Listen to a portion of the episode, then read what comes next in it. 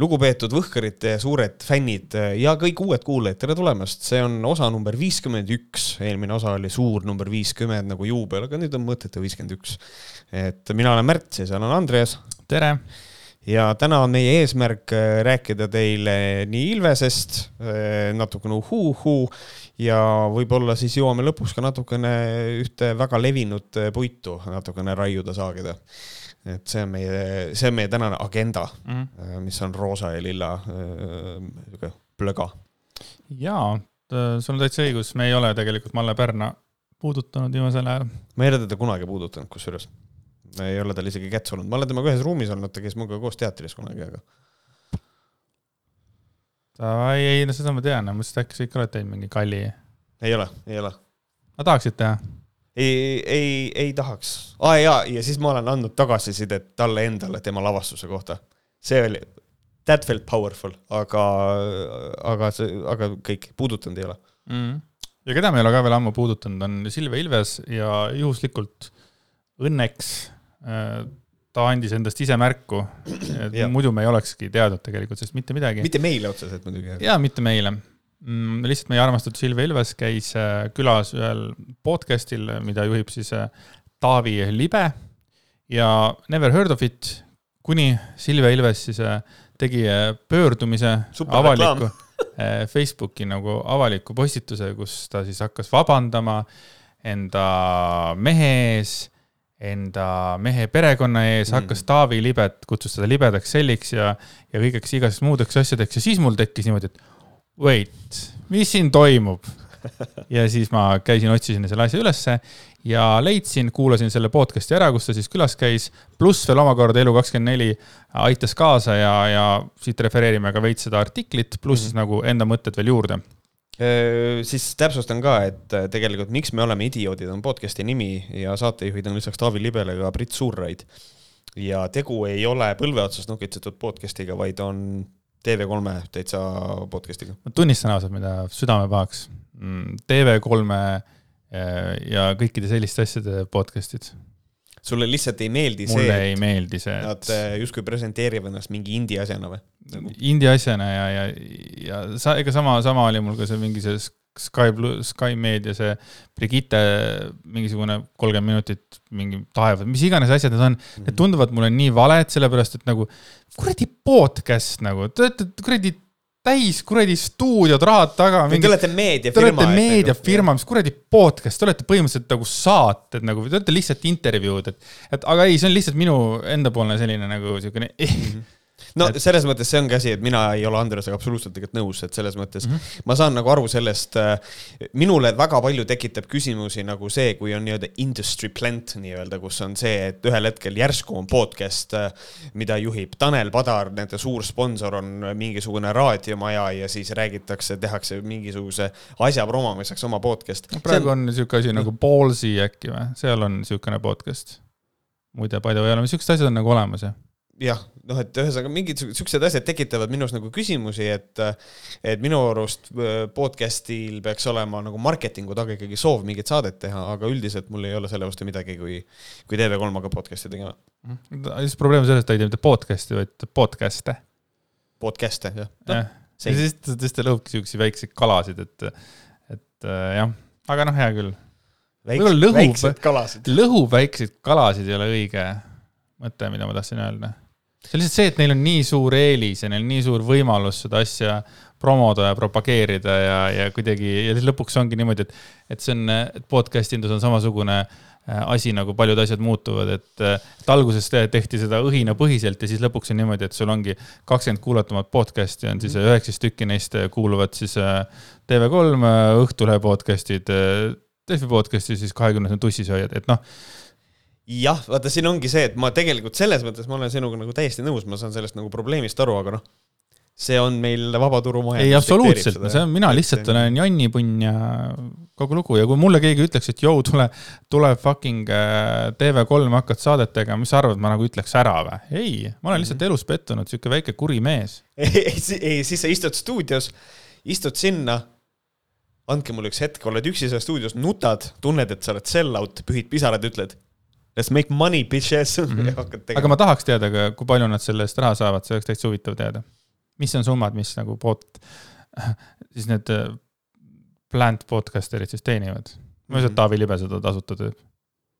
või teeb, ei usu. aga samas mind nagu huvitab, et kui palju on nagu meediamajades need kaks saatejuhti ütle, küsivad nagu ettevõttelt, et kuulge, et stuudio on meil vaba sellel ajal, et teeks oma podcast'i äh, ja olen nõus sellega, et see on nagu meie selle, teie branch'i all, et äh, lihtsalt õhinapõhiselt nagu, kui palju sul inimesi on stuudiotes. Write us, let, let us know.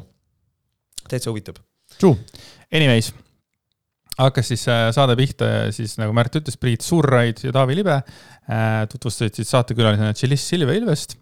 Elu kahekümne neljas on ilusti kirjutatud ka, et muusikul on neli last kolme erineva mehega ja praegu on Ilves suhtes tšellist Marcel Johannes Kitsega mm,. tunnistan ausalt, kuna ma ei ole kunagi huvi tundnud, siis ma tõesti ei teadnud seda, et, et need lapsed on erinevate isadega, sellel ei ole ka väga palju vahet, aga see oli minu jaoks juba esimene nagu fakt mis oli juba veits põnev. minu jaoks oli väga üllatav see, et nii Silvia Ilves kui ka tema mees Marcel on minust nooremad mind üllatas see millegipärast. ma ei olnud kunagi sellele tähelepanu mm -hmm. pööranud, aga tõsi, Silvia Ilves on kakskümmend üheksa, tema mees on kakskümmend seitse. et mm -hmm. äh, ma olen kolmkümmend üks ja ma lugesin seda, mõtlesin, jesus christ, kas tõesti mm? -hmm. et äh,, et teeb kadedaks, mina ei ole seal podcast'is käinud sa mõtled seda või? Mina mõtlesin selle peale, et mina eeldasin ka, et Silvia Ilves on seal neljakümne alla ja nagu ilma shame imiseta lihtsalt selles mõttes, et ma, kuna inimesel on suured lapsed juba mõned, siis nagu kuidagi kohe automaatselt nagu mõtled, et ta on nagu vanem ja siis tead kakskümmend üheksa, okei okay,, cool. tead, aga tegelikult, äh, tegelikult see ei ole üldse vale, selles mõttes ongi niimoodi, et minu arust ka, et ikkagi kui, kui, kui sa kuuled, et kellelgi on kolm last, siis sa eeldad, et ta on, või neli või, või noh, et sa eeldad, et ta on ikkagi vanem ja eriti kui üks laps on juba põhimõtteliselt mingi, mis ta on, kaksteist, kolmteist või? -hmm. et noh, me räägime ikkagi peaaegu pubekas või?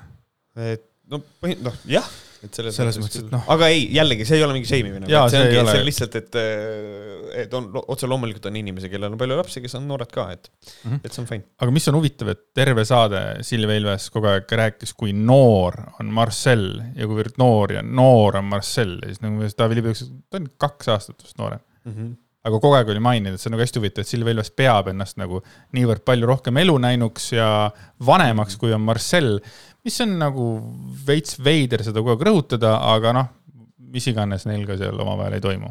I don't care.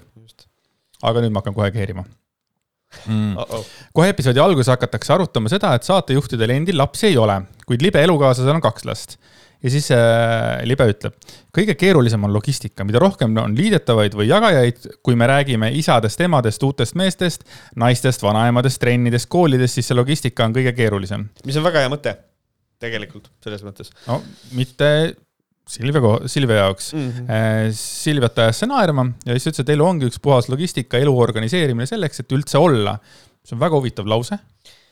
Äh, jah, no vaata, siin on, noh, ma ei, ma ei, ma ei suuda vait olla praegu, et siin on nagu selles mõttes, et kui ta üldistab, et noh, elu ongi üks suur organiseerimine, absoluutselt on, on küll jaa, aga on väga suur logistiline erinevus see, kui eh, sul on nii-öelda välja kujunenud elu, eh, sul ei ole lapsi olnud, sa ei ole lastega koos üles kasvanud ja siis sa paned leivad ühte kappi eh, kellegagi, kellel on kaks last siis su elu muutub üsna järsku ja see on ikkagi logistiline error on seal kindlasti ma olen äh, selles mõttes, ma olen ise ikkagi värske isa äh, ja juba on nagu igasugused liikumised on üheainsa lapsega on juba noh, logistiliselt sa pead läbi mõtlema, et okei okay,, nüüd ei saa enam kasse kaasa võtta, siis ma ei tea, kuidas nad autos võivad käituda, kõike seda. ja mina suudan küll Taavi Libest nagu tegelikult selle koha pealt aru, nagu aru saada. ja jälle, jälle fakt, mida ma ei teadnud, et need ei ole Taavi Libe lapsed. ma ei tea, kus ma olen elanud, aga ok aa, mina teadsin, aga no, ma, ma ei ole seda kunagi. ma ütlen, ma ei ole kunagi Taavi Libe või Silvia Ilvese eraelu vastu huvi tundnud ja nüüd ma kahjuks äh, lähen siis sinna auku, millega me jõudsime Justin ja Triinu Liisiga kunagi. ma ei olnud mitte kunagi nende vastu huvi tund-, tundnud, kuni hakkas see kassid olema pihta mm.. siis mina olen, mina teadsin, noh, ma teadsin seda ka sellepärast, et ma tegelikult olen ju Taavi Libe abikaasaga koos mänginud laval suvelavastuses. Äh, suudelnud ka oled või? suudelnud temaga ei ole veider küsimus iseenesest. ei, no aga... on, come on, praegu räägime siin eraelust et äh, aga, aga, aga selles mõttes, et, äh, et jah, seal, seal ma, seal ma nägin ta vist vanemat poega ja täitsa sihuke, ühesõnaga mina teadsin seda mm. -hmm. Märt teab asju. mina tean. nii äh,, Ilves siis imestas, et saatejuhtijal endil lapsi ei ole, samas kiitis ta Libet, kes väidetavalt oma elukaaslase laste logistika pärast muretseb. Nii, ja nüüd võib-olla see on nagu, see on nagu veits sihuke foreshadowing, et, et ta nagu et ta imestab, et saatejuhtidel lapsi ei ole, miks see tema asi on üldse, ma ei tea, mul ei ole lapsi, issand jumal, päriselt või? Vau, okei, see selleks, aga ta kiitis libet, et, et libe siis elukaaslase laste logistika pärast muretseb. miks ta seda kiitis, sinna me nüüd jõuame? Mm, -hmm. et see joonistub siit välja siis see libe, Taavi Libe siis ütles, et tuleb muretseda, sinu Marcel, praegune elukaaslane, ei muretse või um,? ja siis Ilves ütles, et no nii palju, kui tema elukaasa aega on, siis püüab ta aidata küll. aga paljuski ei saa ma arvestada tema abiga, sest tal on tema asjad prioriteet. lapsed on ikkagi minu lapsed ja tal ei ole see kasuisa kohustus kukil. vot, ongi putsis. nii äh..., jaa. esi, esimene laks äh, saade oli toimunud mingi fucking äh, minut kaks, võin eksida, aga noh, kui sedagi, onju. ja esimese laksuga sai juba Marcel ära, Silvia ütleb lihtsalt ära, et jõu Marcellil on teised äh, prioriteedid ja ma Marcelliga arvestada ei saa, nii et ja nüüd ongi juba nagu see saade lükatud sinna suunda, kuhu Silvia ta ise lükkas. just, just, just, et ta tegelikult see on ikkagi, see on üsna karm asi, mida öelda, tähendab selles mõttes ma tulen nii palju Silvia Illasele vastu, et ma olen nagu sellel, ma olen, ma olen seda meelt, et kõik sellised peresuhted ja kes, kes hoolitseb laste eest ja mitte, et need on tegelikult ikkagi suhetes kokkuleppelised asjad. Ma, mina lihtsalt isiklikult leian, minu arvates on väga kummaline siduda oma elu teise inimesega, kellel on lapsed, niimoodi, et me elame koos, meil on, ma ei tea, noh, ma ei tea, kuidas finantsiliselt need on, kas neil on ühine rahakott, mis, mis seal iganes, aga ikkagi te elate nagu ühtses finantssüsteemis ka.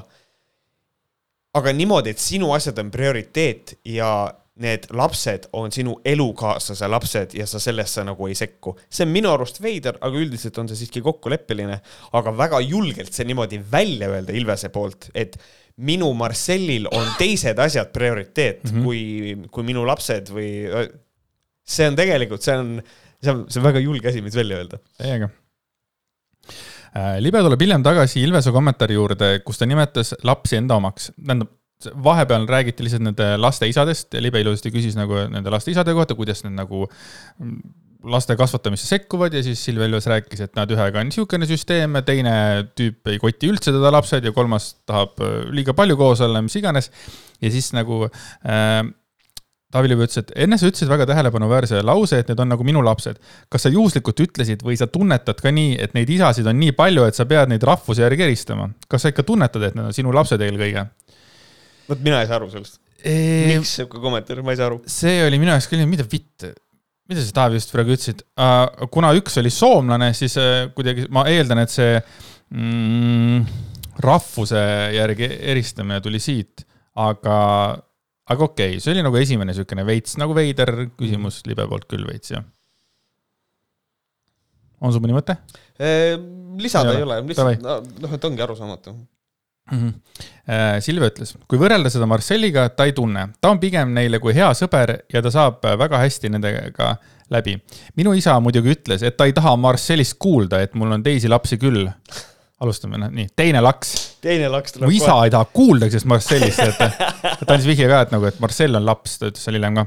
et noh, ta on nii noor, kuidas ma ütlen, et ta mehe eest nii väga praegu üldiselt olla ei saa meie standardite järgi, et mees maksab, mees aitab olla selline. Marcelil on praegu olulisemad asjad ees, et aidata mind eraelus jälle, et nüüd ta ütles jälle ära, et, et ta ei ole piisavalt mees, et maksta igasuguseid selliseid asju, onju. ja, ja, ja. ta ei ole ja, mees klassikalises mõttes. ja taaskord ta mainis seda, et noh, eh, et noh, ta on nii noor, türa, kaks aastat. ta räägiks nagu mingisugusest kolmeteistaastasest mm. -hmm türa, Silvia on kakskümmend üheksa, ta räägib kahekümne seitsme aastasest mehest. ta on nii noor. ta on nii noor jah, ja, ja see on ikka ka, et noh, tegelikult äh, kuulajale ka ikka hästi, oluline, rõhutame nagu üle, et äh, Silvia Ilves on pärast, noh, sellest tuli nagu draama sellest saatest, on ju. arusaadavalt ka, nüüd mõelge, mida ta on kõik Marcelli kohta juba praegu öelnud, et nagu siin ka see, et äh, et ta nagu mehe eest väga ei ole, aga it's not the worst of it, me veel läheme edasi mm. -hmm libe küsib Ilveselt, kas ta ei ole mõelnud selle, et tal on praegu vaja meest, kes teda aitaks, Ilves Nii. vastab. muidugi, mul kõik sõbrannad ütlevad, et jäta see Marcel, et sul on vaja meest, aga ma olen selline loll, naiivne armastaja. et Marcel on lihtsalt mehena avamata õis. ta on tulevikus kindlasti suurepärane pereinimene. peame viis aastat põhimõtteliselt üle elama ehm,. Ma, ma kirjutasin endale siia, et this is scary ja mm -hmm. ma mhm. kirjutasin selle siia nagu sellepärast, et see on päriselt ka õudne. et ähm, sa oled inimesega koos suures lootuses, et viie aasta pärast, kui ma, ma pean viis aastat selle inimese kõrval kannatama ja siis on tema suurepärane pereinimene. ma ei ole kindel, et see on vaimselt nagu terve asi, mida teha siis tuleme jälle tagasi selle juurde, et kõigepealt tõmbab näffi ära, et mu isa ei salli Marcelli. nüüd ta ütleb, kõik mu sõbrannad, mul kõik sõbrannad ütlevad, et jäta see Marcel, et sul on vaja meest. sul on, sul on meest vaja. Holy shit, see oli laks number neli, mul on siin ära kirjutatud küll hästi laks, üks, kaks, kolm, laks, vol neli. Marcel, Marcellil on muud prioriteedid ja ta ei ole klassikalises mõistes mees, see ka veel muide, seda siin artiklis ei ole, aga ta, Silver rääkis seda ka, et ükskord Marcel vist oli mingi viis tundi mingit kappi või mida iganes ta oli kinni, kokku pannud ja pani ka valesti, et siis tuli pärast kõik lahti võtta. türa, sa seda ka veel räägid, noh, seda nagu mm -hmm. lihtsalt lõikab, noh, ma saan aru, et ei ole nagu häbiväärne olla nagu äh, või äkki, äkki, äkki üldsuse jaoks on, et nagu mina ei ole kuldsete kätega, sina ei ole kuldsete kätega, aga ma kuidagi kujutan ette, et ei minu ega sinu abikaasa ei hakkaks rääkima pereelust, siis ta räägiks sellest, milline kobakäpp sa oled, lihtsalt nagu, kas see on nagu, nagu teema, millest nagu ongi erinevus, kõik, täpselt samamoodi kõikidele kuulajatele ka. sina, ütleme, kallis kuulaja, meesterahvas, paned kappi kokku viis tundi, paned valesti kokku. It's perfectly fine, me niimoodi õpimegi. inimene ei õpi muidu, kui ta teeb vigu, eks ole. see kõik on fine, aga kui sa lähed stuudiosse ja sa räägid, et minu mees pani viis tundi kappi kokku. ja ta ei ole piisavalt mees. ja ta ei ole nagu piisavalt mees ja ta, noh, ta teeb siukseid lapsikuid vigu ja ta on nii noor ja kõike seda. ja, ja, ja kusjuures mõtleme korra selle lause konstruktsiooni peale. kõik sõbrannad ütlevad, et jäta see Marcel, sul on vaja meest, aga ma olen selline loll, naiivne armastaja -hmm.. ühesõnaga, sa ütled välja, et ma olen temaga koos, sest ma olen loll ja naiivne armastaja. et see on nagu ikka noh, Silvia. väga halb. see nagu tegelikult ka, see on literal trash talking tegelikult mm. -hmm et ma tean seda, et meil on siin eh, tulnud eh, kulisside tagant igasuguseid vihjeid, et võib-olla on tegelikult suhtes niimoodi, et Marcelil on tegelikult palju rohkem mõjuvõimu. Eh, noh, mis võib-olla on ka põhjus, miks pärast mingi suur vabandamine lahti läks ja kõike seda. aga siis ongi, tekib nagu küsimus, et kas ta nagu päriselt mõtleb niimoodi või ta kuidagi nagu on üritab nagu Marcellile nagu kuidagi vastu hakata ja teeb seda läbi selle, mida ta teeb, et see on nagu kummaline, ma ei mhm. suuda nagu aru saada sellest. nii, kuna ma siiamaani siis võtsin Elu kahekümne neljas seda siis äh, teksti, siis äh, see on nüüd see, mis ma nagu ise veel lisasin, mida Elu kahekümne neljas ei olnud. tegelikult Silvia ütles sellist asja ka. Marcel on mulle nagu venna eest, nagu parima sõbra eest. kui ta oleks lihtsalt mees mu elus, ma võtaksin parema selles osas, et mul on meest vaja, selles osas, aga tegelikult on mul teda vaja, sest ta inspireerib mind tööd tegema pilliga. nüüd me jõuame sinna, et äh, Silvia, ma ei tea, kas ta ikka armastab nagu Marcelli või, sest et tegelikult mul on tunne, et tal on vaja lihtsalt meest, selle, Marcelli, sest ta inspireerib mind tööd tegema pilliga. laks number viis. no parima sõbra eest. ma ei tea, võib-olla, aga, aga, aga, aga miks siis nagu, aga miks ta endale siis ei võta meest? ja ei ole Marcelliga sõber, ma ei saa sellest aru. Miks ja, ja ta saab olla vend ja parim sõber Marcelliga ka nii, onju. või on, või jumala eest, äh, leppige Marcelliga kokku, tehke avatud suhe. niimoodi, et, et, et sul on nagu mees on kõrval, ma ei tea, noh, see on, see on nii arusaamatu, ei saa aru mm. -hmm. aga noh, tead, vähemalt, vähemalt inimene analüüsib, ei saa aru nii, siis oligi niimoodi, et see taskuhäälingu osa põhjal avaldati TV3 lehe artikkel, mille praeguseks muudetud pealkiri Ilvest riivas algset pealkirja Ilves ei avaldanud, kuid ta otsustas teha ühismeedias avaliku pöördumise neile, kes lugesid vaid artikli pealkirja ega kuulanud taskuhäälingu tunnist osa. nii, ja nüüd on siis see mingi osa sellest äh, vabandusest. vabandan avalikult oma kalli, armastava elukaaslase ees ning perekonna ees keda väga armastan ning kellele olen tahtmatult haiget teinud tänu negatiivsust elatuvatele saatejuhtidele, kel omal lapsi ei ole ning kes serveerisid mu taskuhäälingus osalemise alatut faktiviga sisaldava pealkirjaga. praeguseks on uudise pealkiri muudetud, ent kahju on tehtud. nii kõigepealt mina mainin selle ära, et tal on kohe see narratiiv, et saatejuhid on sitemad inimesed, sest neil ei ole lapsi. Äh, see ei ole, see ei ole näitaja äh, selles mõttes. teine asi on see, miks ta süüdistab saatejuhti, kui TV3 artik-, artikli, mis sellest tehti, nagu ma aru saan, sellest tehti artikkel, siis seda artiklit teeb teine inimene. mm. -hmm. miks, sellest ma ei saa aru. ja negatiivsusest elatuvatele saatejuhtidele kõik, millest, millele baseerudes pandi pealkirjad, on Silvia Ilvese enda sõnad.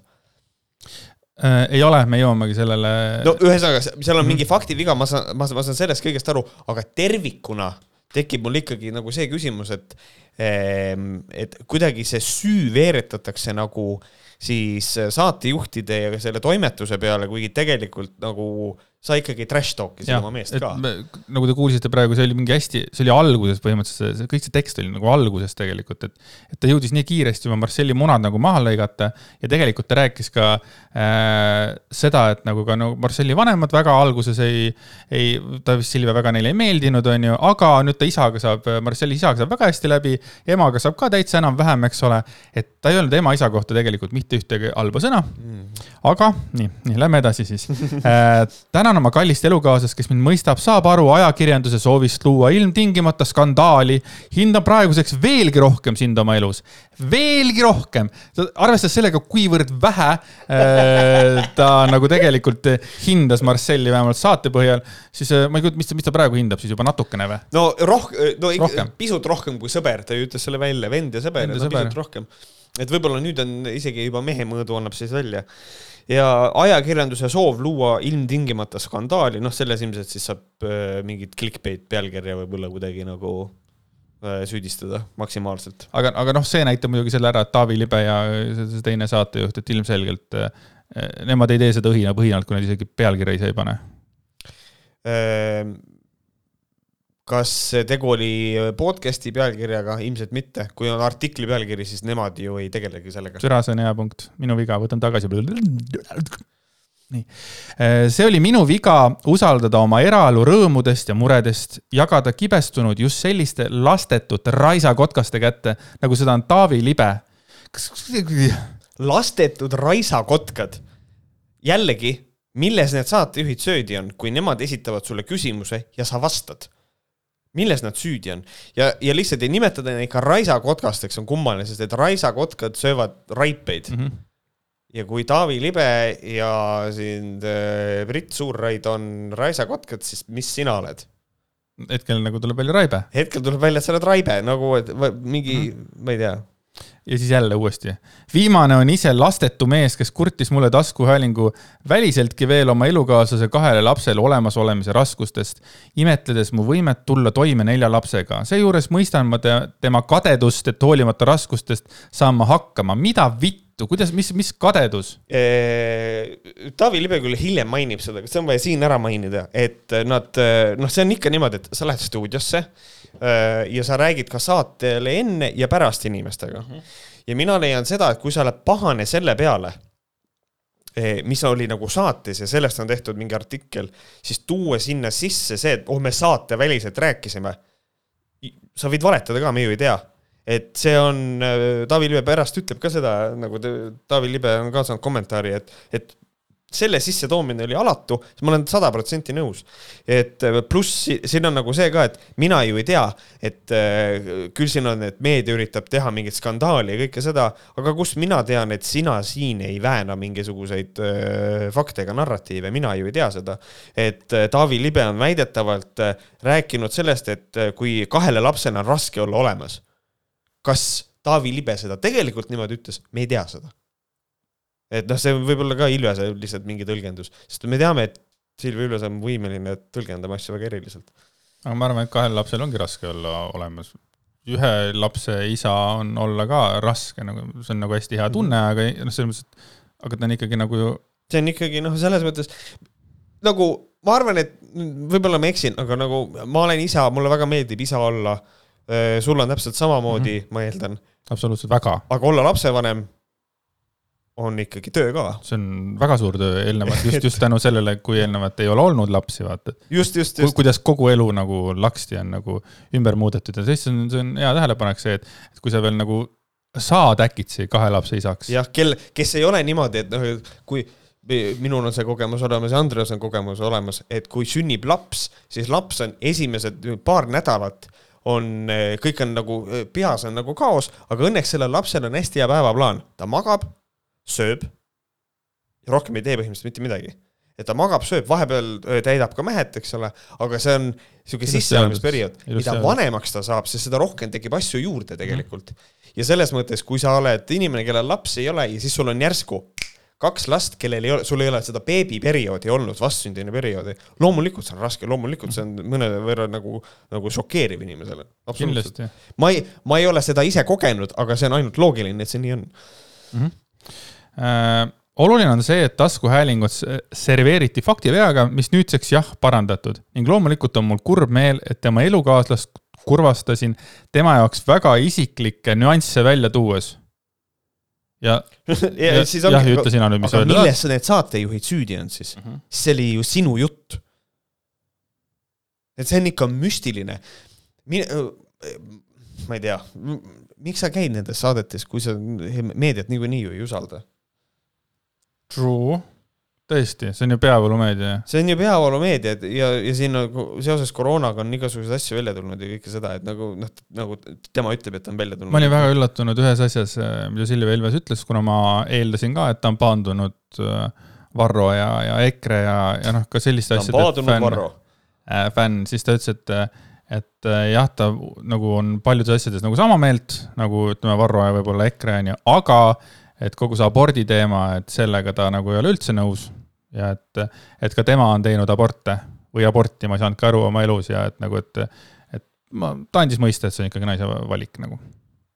Based, õige. ja see oli nagu noh, niisugune äh, hea osa temast, mis ma yeah. nagu kuulsin yeah.. mitte see, et ta aborti tegi, sellest ma noh, õige. ma ei tea, kus ma selle jutuga nagu tahtsin öelda, aga lihtsalt see oli nagu mõistlik võib-olla mõte äkki.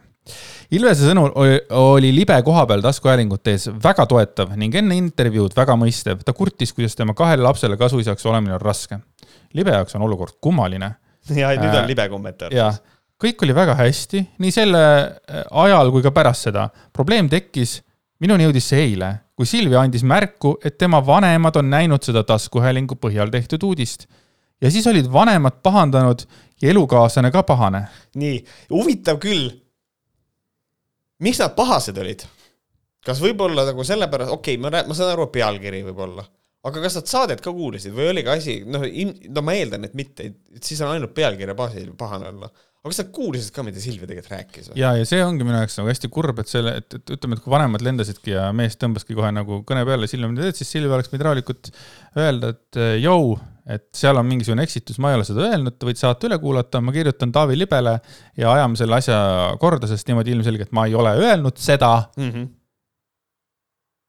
aga mis sellest sai, oli niimoodi, et siis äh, Taavi Libe jätkab, et eile oli kõik hästi, ütlesin, et loodetavasti läheb kõik hästi ja siis täna hommikul saatis Silvia omakorda selle podcast'i uudise Facebooki äh, pandud kuvatõmmise, kuhu oli lisatud kommentaar, justkui tema perekond oleks öelnud, et Marcel ei sobi talle meheks. aga tegelikult olid sõbrannad.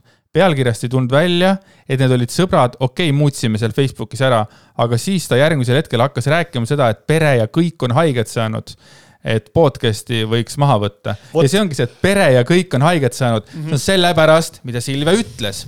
lihtsalt sittus oma mehe peale, rahulikult. ja, ja palun vabandust, aga siin on nagu see nüanss ka, et äh, justkui tema perekond oleks öelnud, et Marcel ei sobi talle meheks.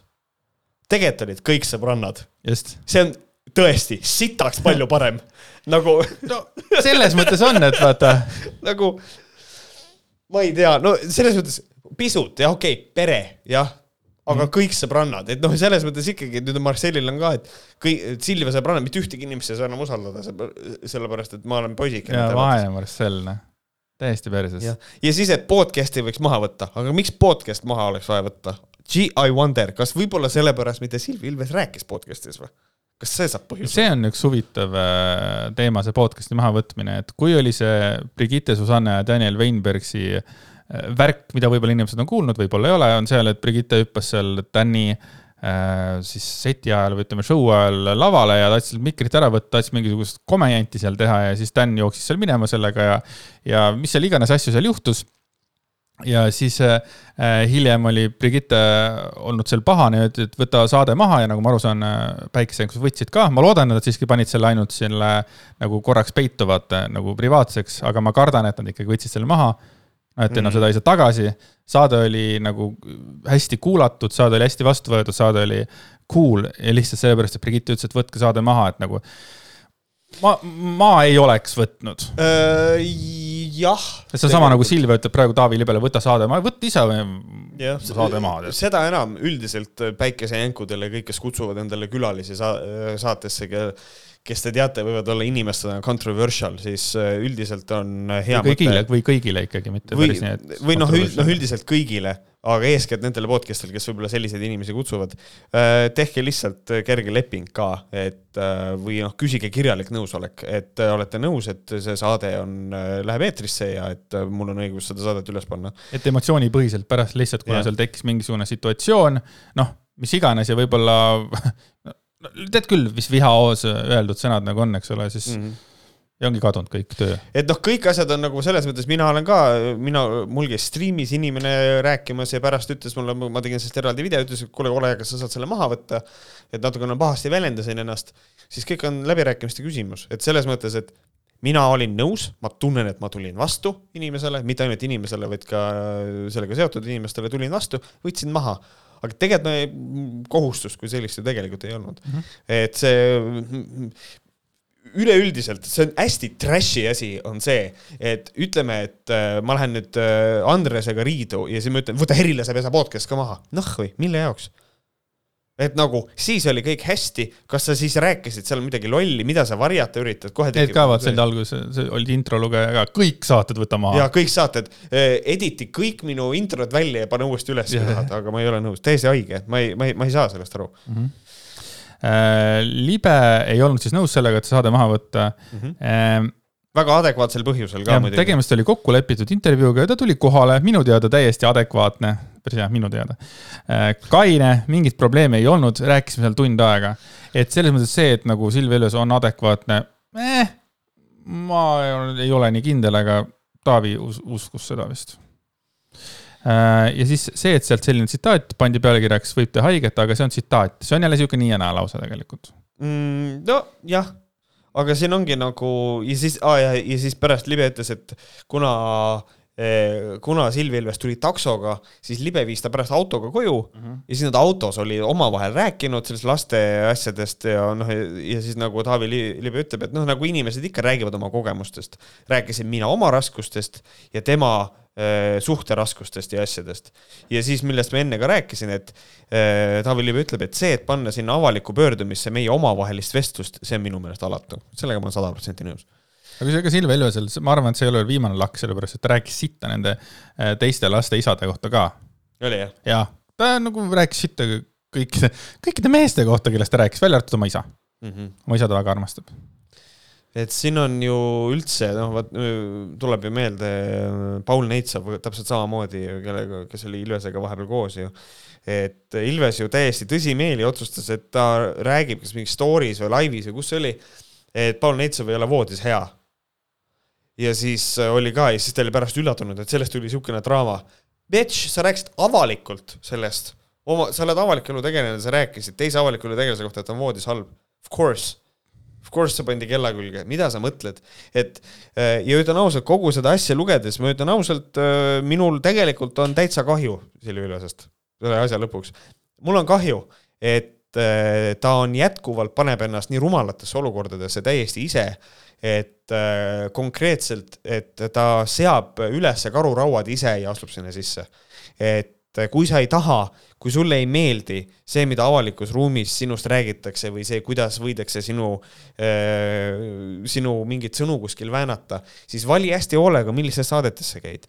vali hästi hoolega, kas sa üldse käid kuskil. räägime või... sellest, mida sa postitad. Mõtle, mida sa postitad, selle, sellepärast et sul on teatud tuntus, sul on teatud kuulsus, sa oled avaliku elu tegelane. sa pead arvestama kõikide nende asjadega, olla avaliku elu, ma lähen samm kaugemale, olla kuulus ei ole ülini äge ja tuus asi, vaid sulle, vaid sellega kaasnevad ka teatud probleemid, millega sa pead kogu aeg arvestama. näiteks mina ei saa teha mingisuguseid asju avalikus ruumis, mida võib-olla teine inimene saab, sellepärast et kohe on uudis, et vaadake, mida Märt Koik tegi. noh, et siin, siin on, see on omaette probleem, sellepärast et see ei ole lihtsalt, kui suvaline inimene situb keset tänavat siis on tundmatu mees roojas keset tänavat, on uudis. kui seda teen mina, siis on seal nimi taga, see on hoopis teistsugune asi, kohe. et, et täpselt samamoodi vali, kuhu, kus sa külas käid, vali, mida sa postitad, see kõik on minu arust täiesti elementaarne teadmine sotsiaalmeedias või üldse meediaga suhtlemise juures. miks sa ei ole lihtsalt hea tšellist? Pühenda oma elu sellele, ela koos selle noore öö, poisikesega, nagu, nagu mulle mulje jäi Marcelliga, las ta inspireerib sind ja tegele muusikaga nagu. ta ei saa, ta, ta on, ta on, ta on liiga edev. ilmselt küll, jah. jah, ja, ja, ja kusjuures. ja jällegi, edevus on fine, aga ei tohi lolliks minna. Märdiga nüüd see, see hullumaja, ta ei saa ju kodus ka välja tulla, kui ukse lahti teeb, rahvas juba pildistab ja küsib autogrammi, autosse ei saa istuda, see on nagu, see on rõve, paar korda olen Märdiga nagu sattunud, noh, väljaspool nagu kodustuudiot nagu. ja mul on kodu ees on pikett alati. liberästid koju, vasta muru.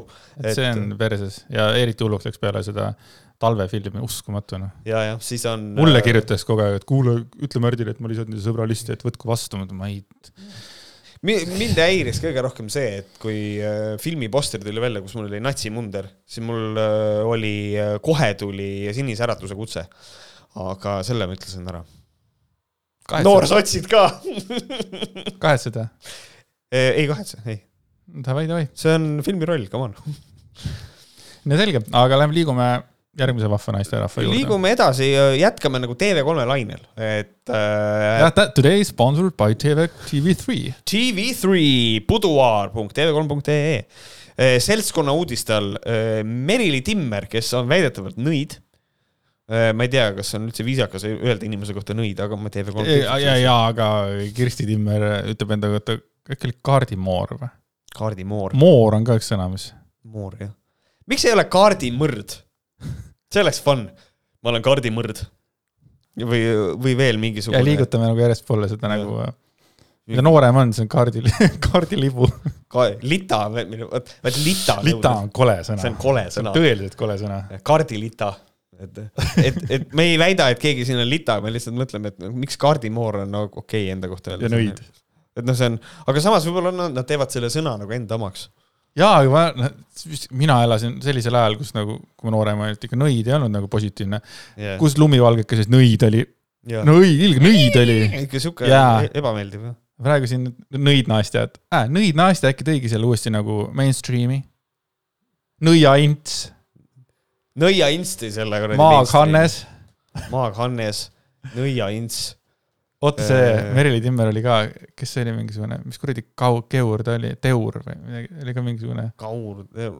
ka mingi võlur, teur või midagi taolist. sortsid ja, ja kõik. ei, see on hüpnotisöör, jah. ma mõtlen, see oleks õudne, kui oleks äh, nõia intsule, selles mõttes olgu, olgu muld talle kerge, eks ole, aga et, et oleks olnud, et on nõia ints Kardimor Timmer ja siis on äh, kuradi äh, ja lihtsalt ja siis on Nõidlita ja siis on nimi ja siis on lihtsalt nagu what the fuck, mida te teete nagu Sorts Peeter oleks ka päris nunnu. Sorts, Sorts Peeter kõlab nagu mingisugune mees, kes käib avalikult, avalikult kusel. ei, Sorts Peeter on nagu Törts Peeru, samasugune, et. ma käin siin aeg-ajalt, mul noh eesnahk on, eesnahk ma ütlesin eesnahk, ma tahtsin öelda eesnääre, appi. Mul, aga see on aus asi, mis nagu läheb sassi, sest kui keegi ütleb eesnääre, siis mõtled kohe eesnaha peale.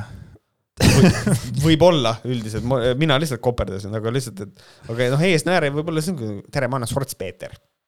jah, mul on eesnäärmega probleeme sellepärast, aga see nali läks kuidagi liiga pikale. ühesõnaga, Nõid Merili Timmer tegi õõvastava paljastuse eh, vanades majades elamise kohta. hämmastav kaader. mina elan majas, mis on ehitatud aastal tuhat üheksasada seitsekümmend üheksa ja see on tõesti õõvastav kogemus, eriti siis, kui on ühistu koosolek, et selles mõttes. Eh, see on väga ilus maja on sul ju, see on renoveeritud ja värki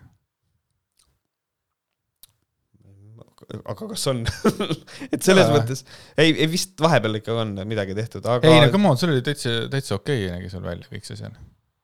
kummast sa räägid, ikka sellest kortermajast või? Mm. -hmm. okei okay oli. sa mõtled nagu seest või? väljast ka no,. ei noh, ta on passable jah, ta väljast võiks nagu teha seda asja selles mõttes, aga ühistu ei lase, sest et see on õõvastav.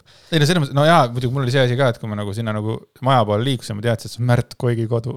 Koiki, Koiki, Märt Koiki kodu. Koigu, Märt- Koi-, Koigu kodu. see on Märt Koiki kodu ja see oli nagu hoopis teistsugune aura oli, see oli siuke holy shit, holy shit. Märt, oh my god. ja siis, ja millest siis räägib meile nõid Merili Timmer, on see, et äh, ühesõnaga ta alustab niimoodi. mulle meeldib teha koduvisiite. lood on alati erinevad ja väga huvitavad. loomulikult on ka juhtumeid, kus seletab kõik füüsiliselt ära või on lihtsalt hirmul suured silmad olnud. telgi mulle, mis tähendab see, et äh, on ka juhtumeid, kus seletab kõik füüsiliselt ära. ta ta hakkab kellelegi füüsiliselt seletama no ta on, lihtsalt hakkab viipekeeles järsku vehkima. ei, ma mõtlesin, et ta hakkab ründama, taguma. tere, mul on siukene asi, et mul on vist poltergeist ja siis Meril võtab kratis kinni. tere, kuula nüüd raisk. ja siis lihtsalt viskab venna kuskile kuradi. et tegelikult, tule välja. tegelikult ta, mida ta noh, kuna sa oled nõid, siis otse loomulikult ei ole. Mina ei ole nõid. väljendusoskus nagu oluline ja siis mida ta tegelikult mõtleb, on see, et et kus kohas on asju, mida saab ratsionaalselt seletada. kui ta ütleb füüsiliselt, ei saa aru, ütlen ausalt, aga noh, vähemalt äh, me- aga sa suutsid ikkagi selle läbi kodeerida. jah, selles mõttes Märt Koik on ikka kõva, see on kuld, võimas. kuld, jah, see aura on, see aura on hea või on lihtsalt hirmus suured silmad olnud. vanad majad elavad tihtipeale oma elu ning tahavad ka rääkida oma lugu ning need lood on põnevad. kusjuures, tõsi, et mina ka, on ühistu koosolek ära, siis ma lähen oma tuppa, ma räägin oma korteriga. ma mõtlesin, et korter räägib sulle, sest ta ütles, et nagu need majad elavad oma elu ja nad, nemad tahavad rääkida. ei no me mitte räägime üksteisele, me, me ikka jagame nagu selles mõttes, et Davai. korter räägib mulle, et ütleb see nii paljud inimesed ikkagi masturbeerivad ja see on õudne, ma pean pealt vaatama no, ja see, ja see ongi jama, et selles mõttes ta räägib, kusjuures mu korter räägib Malle Pärnu häälega. on või? ja, ja siis, ja siis Tegelikult. Väga hull tegelikult. aga see oleks tore, et maja räägib, et sa nagu lähed koju juurde, siis sul maja lihtsalt tere shit. et. kas sa lilledega räägid või? lilledega, lilledega tuleb rääkida ju. mina ei räägi. aga sa tead, et lilledega tuleb rääkida? mida rohkem sa lilledega räägid ja on ütled, sa armastad lille. et selles mõttes. ta ei ole lille ju. No ta on lilli, aga ma kutsun teda lilleks. aus. aga Liisa räägib või? lilledega, jah. meil ei ole lilli kuskil. sul ei ole ühtegi lilli või? lille. see oli, that was fun, ei, mul ei ole ühtegi lilli. ega, ega ka lillesid mitte. Davai, ei, ei, aus. või et see, vanad see, majad see, elavad, see, see, et sa vihkad loodust, no see ei ole midagi uut. jah, aga või on see, et äh, vanad majad elavad oma elu. kas te olete kunagi neid koju vaadanud, et maja ei ole? sellepärast, et äh, oma elu väljas. maja elab oma elu. maja, maja läks, maja läks kohalikele valimistele, läheb noh, vaja, vaja kandideerida. mina olen paneelmaja ja mul on sellised nõudmised. mõtle, kui ta tahaks teist elu, see oleks ka veits nõme. Need ela-, aga ta elaski, kui sulle rääkis seda masturbeerimise lugu. ja ta elas, elas teist elu. nii, aga Merili, Merili jätkab. keeru-, ma tunnen, et me oleme väga õelad, aga hea küll. keeruliseks läheb, aga siis, kui need sündmused oma elu koos elavatega koos edasi tahavad elada. keeruliseks läheb aga siis, kui need sündmused oma elu koos elavatega koos edasi tahavad elada. et sündmused tahavad koos elavatega koos edasi elada. tahavad koos elavatega koos edasi, tahavad elada. kas, kas, kas, kas ta kirjutas, ta kirjutas selle ise või? No See see tema on, kirjutatud see on tema, tema blogi äh, postitus, see ei ole Oh artikkel, see on tema blogi postitus, me oleme to- tegelikult Merili Timmeri blogis praegu sees. You need to fucking stop. et see lause, see tahavad on üleliigne, keeruliseks läheb aga siis, kui need sündmused oma elu koos elavatega koos edasi tahavad el-, tere, see on nii kohutav lause. Please stop, mingi toimetaja võiks olla. Levinud mured on tihti need, kus on kuulda kedagi või midagi, samme, juttu, näha kedagi justkui väljaspool silmanurka. mulle meeldib see, see esimene, levinud mured on need, kus on kuulda kedagi või midagi, samme, juttu ehk siis naabrid üleval korrusel näiteks, kes sinu peal elavad. see on tõesti, see võib olla ega ta ütleski. kedagi, jah? et see on jumala õige. midagi, jah, kedagi on juttu, samme on midagi. ei ole, juttu on ka vist midagi või? aga siin nüüd läheb asi müstiliseks. näha kedagi justkui väljaspool silmanurka, kusjuures mitte väljaspool silmanurka, aga asju nähakse silmanurgas. sa ei näe asju väljaspool silmanurka, sest et sa ei näe sinna, Merili. väljaspool tema ei silmanurka. näegi, aga temale räägitakse. temale, ma näen Jaa. asju väljaspool silmanurka ja siis Mer-, Merili keeb, see ei ole võimalik. puudutused, mustad kujud, reisist on see muidugi, väga reisis. asjade kadumine või asukoha muutus, näiteks, näiteks see, et kolin aadressile Nurme viis. magan ühe öö, ärkan ülesse ja aadress on kellukese kaheksateist. lihtsalt asukoht muutus, absoluutselt, lihtsalt maja vahetas asukohta. siis ta elabki teist elu jälle. sest Ei, ta- ei, ta elab oma elu. maja elab oma elu aga ta võttis mu kaasa. oota, kuidas ta ütles? Et vaata, see ongi probleem, kui maja oma elu koos elavatega koos edasi tahab elada. et see on lihtsalt asukoha maja muutus. tahabki elada koos sinuga edasi. ja palun tule kaasa, lähme Nurmenuku tänavale. väga armas, see on üks tore maja. et see on, ühesõnaga väga keeruline on sellest inimesest aru saada. see, asjade kadumine, no selles ei ole kedagi muud süüdistada kui kui asukoha muutus, siis elektroonika jupsimised. elektroonika jupsimised, mõnus. see on, see on tõeline probleem. tuleks ku- kutsuda Ghostbusters. kusjuures ma mõtlesin seda, are you gonna call? Ghostbusters, ma ei saa õiget viisi, ütle nüüd, oota, ütle viis. Who you gonna call? who you gonna call? Ghostbusters. vot sul tuli nii, räägi edasi, mõtle. et siis äh, elektroonika hüpsimised, ma olen, kas sa oled kunagi mõelnud selle peale, kui õudne võib olla, et inimene läheb elama nutikodusse niimoodi, et ta ei tea, et tal on nutikodu. et ta Nee. näiteks, et, et tuled on pandud, kuskil on ära peidetud selle nagu maja nagu see äh, aju nii-öelda ja siis sul lähevad nagu graafiku alusel tuled kustu ja põlema ja sa oled täiesti veendunud, et sul kummitab, aga lihtsalt eelmine omanik unustas selle välja lülitada. näiteks, jah. see võib olla hirmus. Eh, energeetiliselt väsimine ja, ja kehva olek, laste kummaline käitumine või vestlused kellegagi.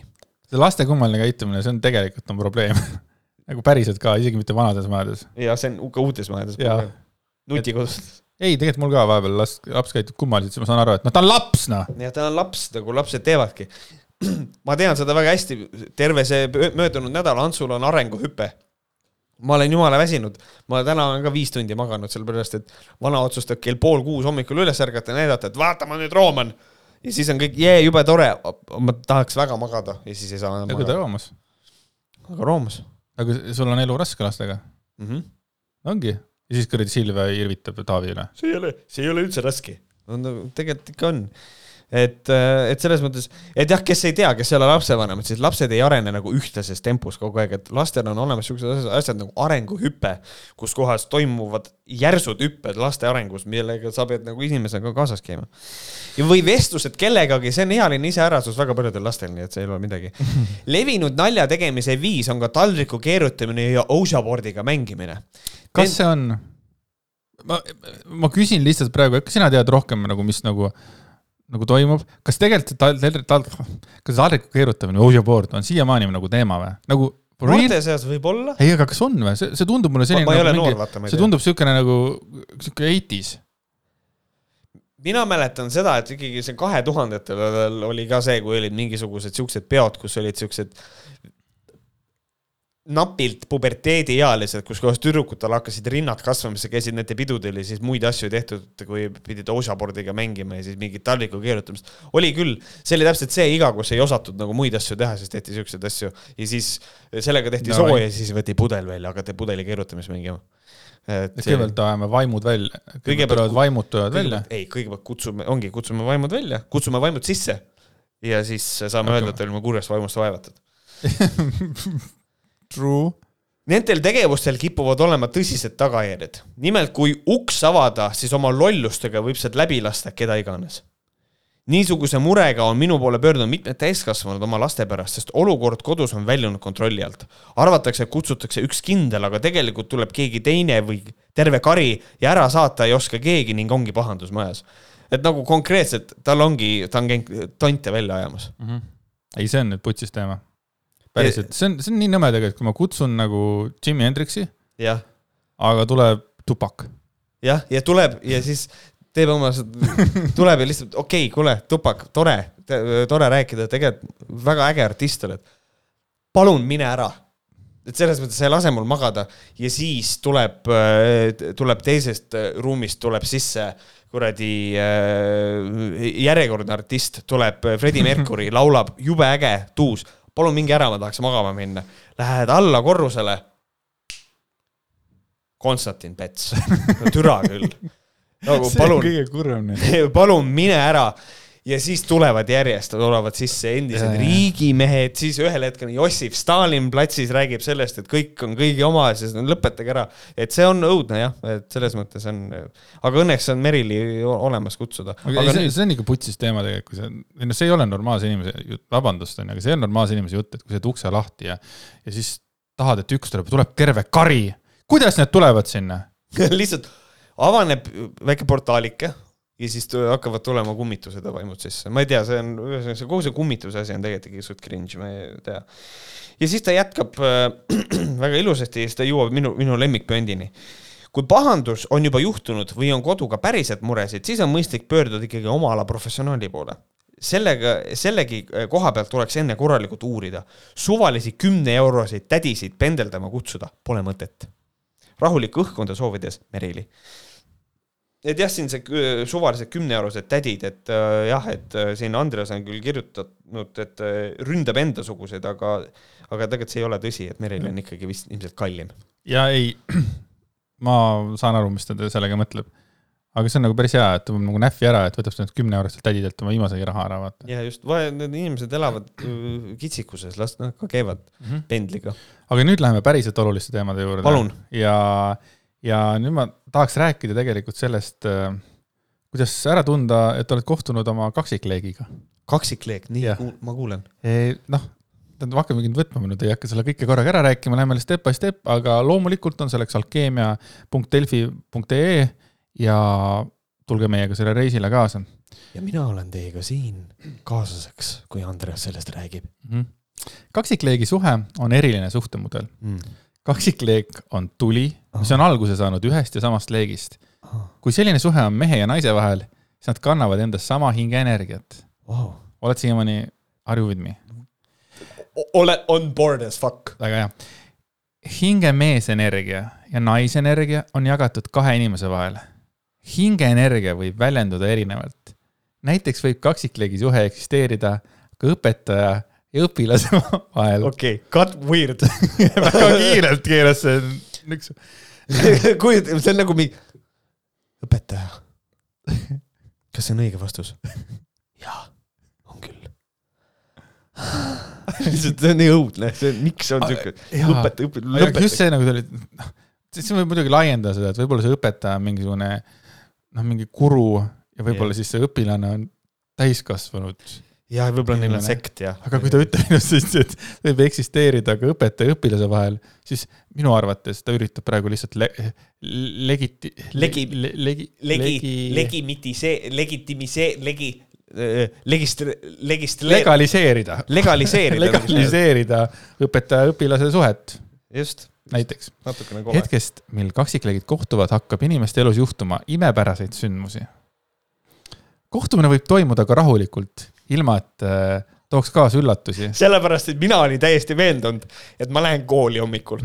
mul on esimene tund, ma lähen uude kooli, lähen füüsikatundi es esimest korda, lähen uksest sisse. tere, kaksikleek vä? nagu lihtsalt ja õpetaja ka mingi, mine perse ongi. oh, kuule, E võrdub MC ruudus, et nagu jah, et tuleb välja, et see ei pea niimoodi olema, see võib ka lihtsalt, lähed uksele, vaatad mm,, noogutad. ma eeldasin, kuidas see algab, et noh, lähe, lähen esimest korda tundi, astun tuppa, õpetaja ütleb tunnikontroll. täitsa perses. aga, aga tuleb välja, et kohtumine võib toimuda ka rahulikult, ilma et tooks kaasa üllatusi, mis on minu arust nagu, see ütleb hästi palju, sest kõik teised kohtumised mu elus on toonud ainult üllatusi kaasa, mitte ükski ei ole koht toimunud rahulikult. kõik on täiesti nagu pöörased, see on täiesti ebareaalne. nagu uh,, oota, ma hingata korraks. kohtumine kaksikleegiga on alati justkui välgatus ning märk sellest, et oled oma vaimse arengu teel edasi jõudnud. aga see ei ole üllatus. How the fuck does that work, et sa nagu astud ruumi sisse, sul on fucking välgatus, sa tunned, sa oled arenenud edasi, aga see ei tule sulle üllatusena. Ei noh, see ongi, see kõik toimub, ei no rahulikult samamoodi, kui sa vaatad äikest, sa istud rahulikult, sa näed, toimub välgatus, ega sa tegelikult ju ei ole nagu üllat-, sa tead, et see ükskord tuleb. jah, sest et kõik müristab või jah, see, see tähendab, ma pean minema eelteadmisega, seal on kaksikleek, seal on kaksikleek. oota jälle, mul vaja hingata, ma saan jätkata. sinu kaksikleek on valmis tõstma enda vibratsioone läbi mõlema energiate ühinemise. Et kui sa oled oma, kui sul on õpetaja-õpilaste suhe, sa oled noh, sul, sa sa oled käid. kinni jäänud praegu selles õpilase-õpetaja suhtluses. ei no see on lihtsalt, see on üks mudel sellest, et Davai. sa, sa oled tunnis, füüsikatunnis ja lihtsalt õpetaja väriseb tooli peal ja sina värised ka. sest ainult teie saate aru, et külm on, ülejäänud klassil on jumala sa oled pohhu. Twilighti oled vaadanud, onju? Vist ainult esimest no filmi. seal oligi see, vaata, kui Bella ja Edward esimest korda seal klassiruumis olid. see oligi kaksikleek. ja siis, kui ta, ta nuusutas, siis Bella hakkas nuusutama ennast, kas mul on midagi halvasti, aga ta tundis seda mingisugust, mis iganes kaksikleeki see Edward tundis. noh, tuntud ka kui muidugi- Batman. muidugi see on teistsugused vampiirid, seal ei olnud kaksikleek, see oli kaksikhelk. aga aus, kusjuures mina ei mäleta, et noh, sa ei ole rohkem näinud. aga mina mäletan, et nad sädelesid ainult esimeses osas, teises osas ma ei mäleta seda sädelust, sädelust võib-olla läks liiale jah. mm.. nii, kus me oleme, ahah. kohtudes. kohtudes oma kaklik, kaksikleegiga, koht sarnaste vibratsioonidega, teie mõlema energiat lähevad kooskõlla. energiate kooskõla tekitab võimsa resonantsi. vot, mul on üks probleem nüüd selle lausega. Nonii, resonants tähendab seda, et võngutakse, resoneerutakse omavahel, mis tähendab, et võnked nagu ühtivad. Kui sa kirjutad, teie mõlema energiat lähevad kooskõlla, siis sa oled juba öelnud, et see resoneerub ilusasti ja energiate kooskõla tekitab võimsa resonantsi ja see on üks ja sama asi. ma ilmselt mõtlen, et ta on siin tahtnud öelda seda, et see inimeste eludes resoneerub, mis on, ehk siis see nende inimeste eludes väga tähtis, ma eeldan seda. holy shit, sa ma suudad ei- isegi sellega nagu välja mõelda, mida ta öelda. ja ma võin hakata varsti ise kirjutama siukseid asju. miks sa ei tee seda? noh, kui aus. kaksikleegiga kohtudes tekib tunne, et hõljud kosmoses. võid tunda, et oled seal inimesega vaakumis hingata ei saa. Lähed füü-, jälle lähed füüsikatundi, türa. ja ei saa hingata, väga hea. ei olnud üks tervik, justkui ühineksid temaga ja laustuksid temas. võib tekkida hirm, et kaotad iseenda, samas see innustab ning sa saavutad olemise ühtsuse ja täiuse. kui paljud teist on tundnud õpilase ja õpetaja suhtes, et tule, ma tahaks oma õpetaja sees ära lahustada. noh, ja kui paljud õpetajad on va, vaadanud oma õpilast, ah, tule, ma tahaks lahustada ta sees. see on ikka räme. see on ikka tõesti räme kirjatükk. võid avastada, et teie elud on sarnased. olete elanud samas majas, aga erinevatel korrustel. Holy shit, kus see on ikka uskumatu. mõtle, kui, mõtle, kui need kaks inimest kohtuvad ja nad on elanud samas majas. Nad kohtuvad Oh juhuslikult samas oh my god, kujutage ette, te elate kuskil fucking Lasnamäel ja te olete elanud samas majas, issand jumal. Erinevatel korrustel.. issand, see ongi see, et jah, hea küll. olete käinud samas koolis, aga erinevates klassides. või muud imelikud ja müstilised kokkusattumused. kuidas on on samas ei- koolis käimine fucking müstiline kokkusattumus? tõeliselt imelik. ma nagu mõtlesin pidevalt, et kuidas on võimalik, et inimesed käivad samas klassis. et nagu, ma ei tea, kuidas, et nagu, et mina olen Märjamaa gümnaasiumis käinud, et kuidas on võimalik, et Märjamaa gümnaasiumis, Märjamaal on, Märjamaal on noored inimesed, kes on minuga käinud samas koolis. see on haige. tegelikult, täiesti haige, täiesti haige värk. võttes arvesse, et Märjamaal on ainult Märjamaa gümnaasium. uskumatu. Äh, avastate, et teile mõlemale meeldivad sarnased tegevused ning teil on ühised huvid. võite töötada sarnasel ametialal, teie vahel võib olla telepaatiline side. ära kuula mu mõtteid. lõpeta. rebe jah. juhul, kui kaksikleek hinged on mees ja naine, tekib kirg. nii, nüüd, kui me oleme rääkinud enne, et on õpetaja ja õpilane, siis meile võib jääda mulje, et noh, me ei räägi siin, me ei räägi siin nagu kirest, onju. räägime küll, me räägime siin kirest, konkreetselt üksteises lahustumises. tahaks oma peenist lahustada seal, noh, et see on nagu täpselt, aga minu arust on veits nagu kurb, et nagu, et kui kaksikleek hinged on mees ja naine, et nagu siis tekib kirg, aga kui on kaks ja meest, siis ei ole kaks kirge. naist, nothing. siis, siis, siis, siis ei ole siis kirge. mingil põhjusel ei sobi, et kas see on siis nagu väga konservatiivne inimene selle jura kokku kirjutanud on- või see on päriselt loodusseadus. ei, see on loodusseadus, see on kaksikliigi seadus. Teievaheline lähedus on eriline. Te ei ole varem midagi sellist tundnud, side on tugev, kirglik ja võimas. olles kohtunud oma kaksikleegiga, võib juhtuda, et sa ei lepi enam kunagi kellegi teisega ega millegi vähemaga. selle nimi on, selle nimi on äh, obsession, fanatism, see. et äh, lihtsalt keegi on Andreasest täiesti obsessed, onju. ta on mu kaksikleek. kuule äh,, kas ma, kuule, kas ma teen Porsche või Seljankat? ma tahan Andreast. et noh, see mitte, mitte ühegi muu asjaga ei lepi. keegi võiks välja võtta selle voice clip'i praegu. ma tahan Andreast ma tahan Andreast. just, just. ehm,. nii, oot, oot, oot, oot. viimane kõik. Ma olen täitsa sassis praegu, ahah, jah. kui kohtud oma kaksikleegiga ajal, kui sul on olemas kindel partner, ei tähenda see, et suhe kaksikleegiga hävitaks su praeguse elu. alati võib side bitch ka olla, muidugi võib-olla kunagi eelmises elus oli teie vahel kirg, praegu on hoopis muud õppetunnid ja ülesanded. igav suhtu sellesse kohtumisse mõistvalt, arvesta teise inimese valikutega oh.. aga see, aga nagu ma aru saan, siis see ei ole veel kõik, sellepärast et Andres on leidnud siia veel okei okay., me olime enne, tead, buduaar.tv3 eh,, siis nüüd on kuradi, aga nüüd kuradi kõik, kes te olete praegu, kuulate Võhkriid roolis, palun pange korra, kas ärge kuulake või jätke auto seisma, sest et portaal on portaal.sininekookon.ee. kursus alkeemiline raha. ja me oleme rääkinud kunagi äh, vahvast üritusest, mida tegi Karmen Britson-Tamme mm. -hmm, kes on nime vahetanud ju. jõuame sinna. et, äh, et võiks nagu jätkata selles mõttes sellesama rütmiga jah, et äh, ta, siin on siis on kirjutanud, raha on, on energeetiline seisund. Äh, tere küll, palun laske maha mind, see jutt on nii loll. rahavool on energiavool läbi sinu välja. eemaldades enda energias varjutakistused, mis lükkavad raha eemale, muudad sa selle loomise lihtsaks. see on energeetiline seadus. see on energeetiline seadus. Eemaldades enda energias varjutakistused, mis lükkavad raha eemale. kas nagu minu vari, kui ma kõnnin tänaval kas tema lükkab raha eemale, kas ma pean ilma varjuta, kas ma pean ainult päeval liikuma? sa pead vampiir olema, jah. või päev, ei päeval tuleb ka mingi vari, jah? vari on kogu aeg inimesel ju. ükskõik, sul on praegu ka vari, su selja taga on vari. sul on ka vari. ja sellepärast meil raha ei olegi või? jah. Davai, aus. sellepärast, sellepärast, sellepärast Pioneer küsiski lisadokumente.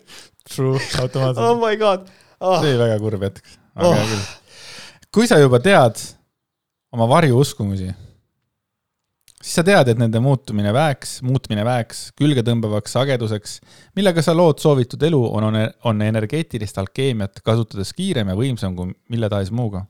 kusjuures ma mõtlen selle peale, et võib-olla mõni inimene kuulab praegu, mõtleb, aga kuulge, miks te seda loete ette? siis see on lihtsalt nagu fucking listen, sellepärast et need inimesed teevad igasuguseid kursuseid, nad räägivad seda samasugust juttu, millest inimesed maksavad, me kohe jõuame, kui palju.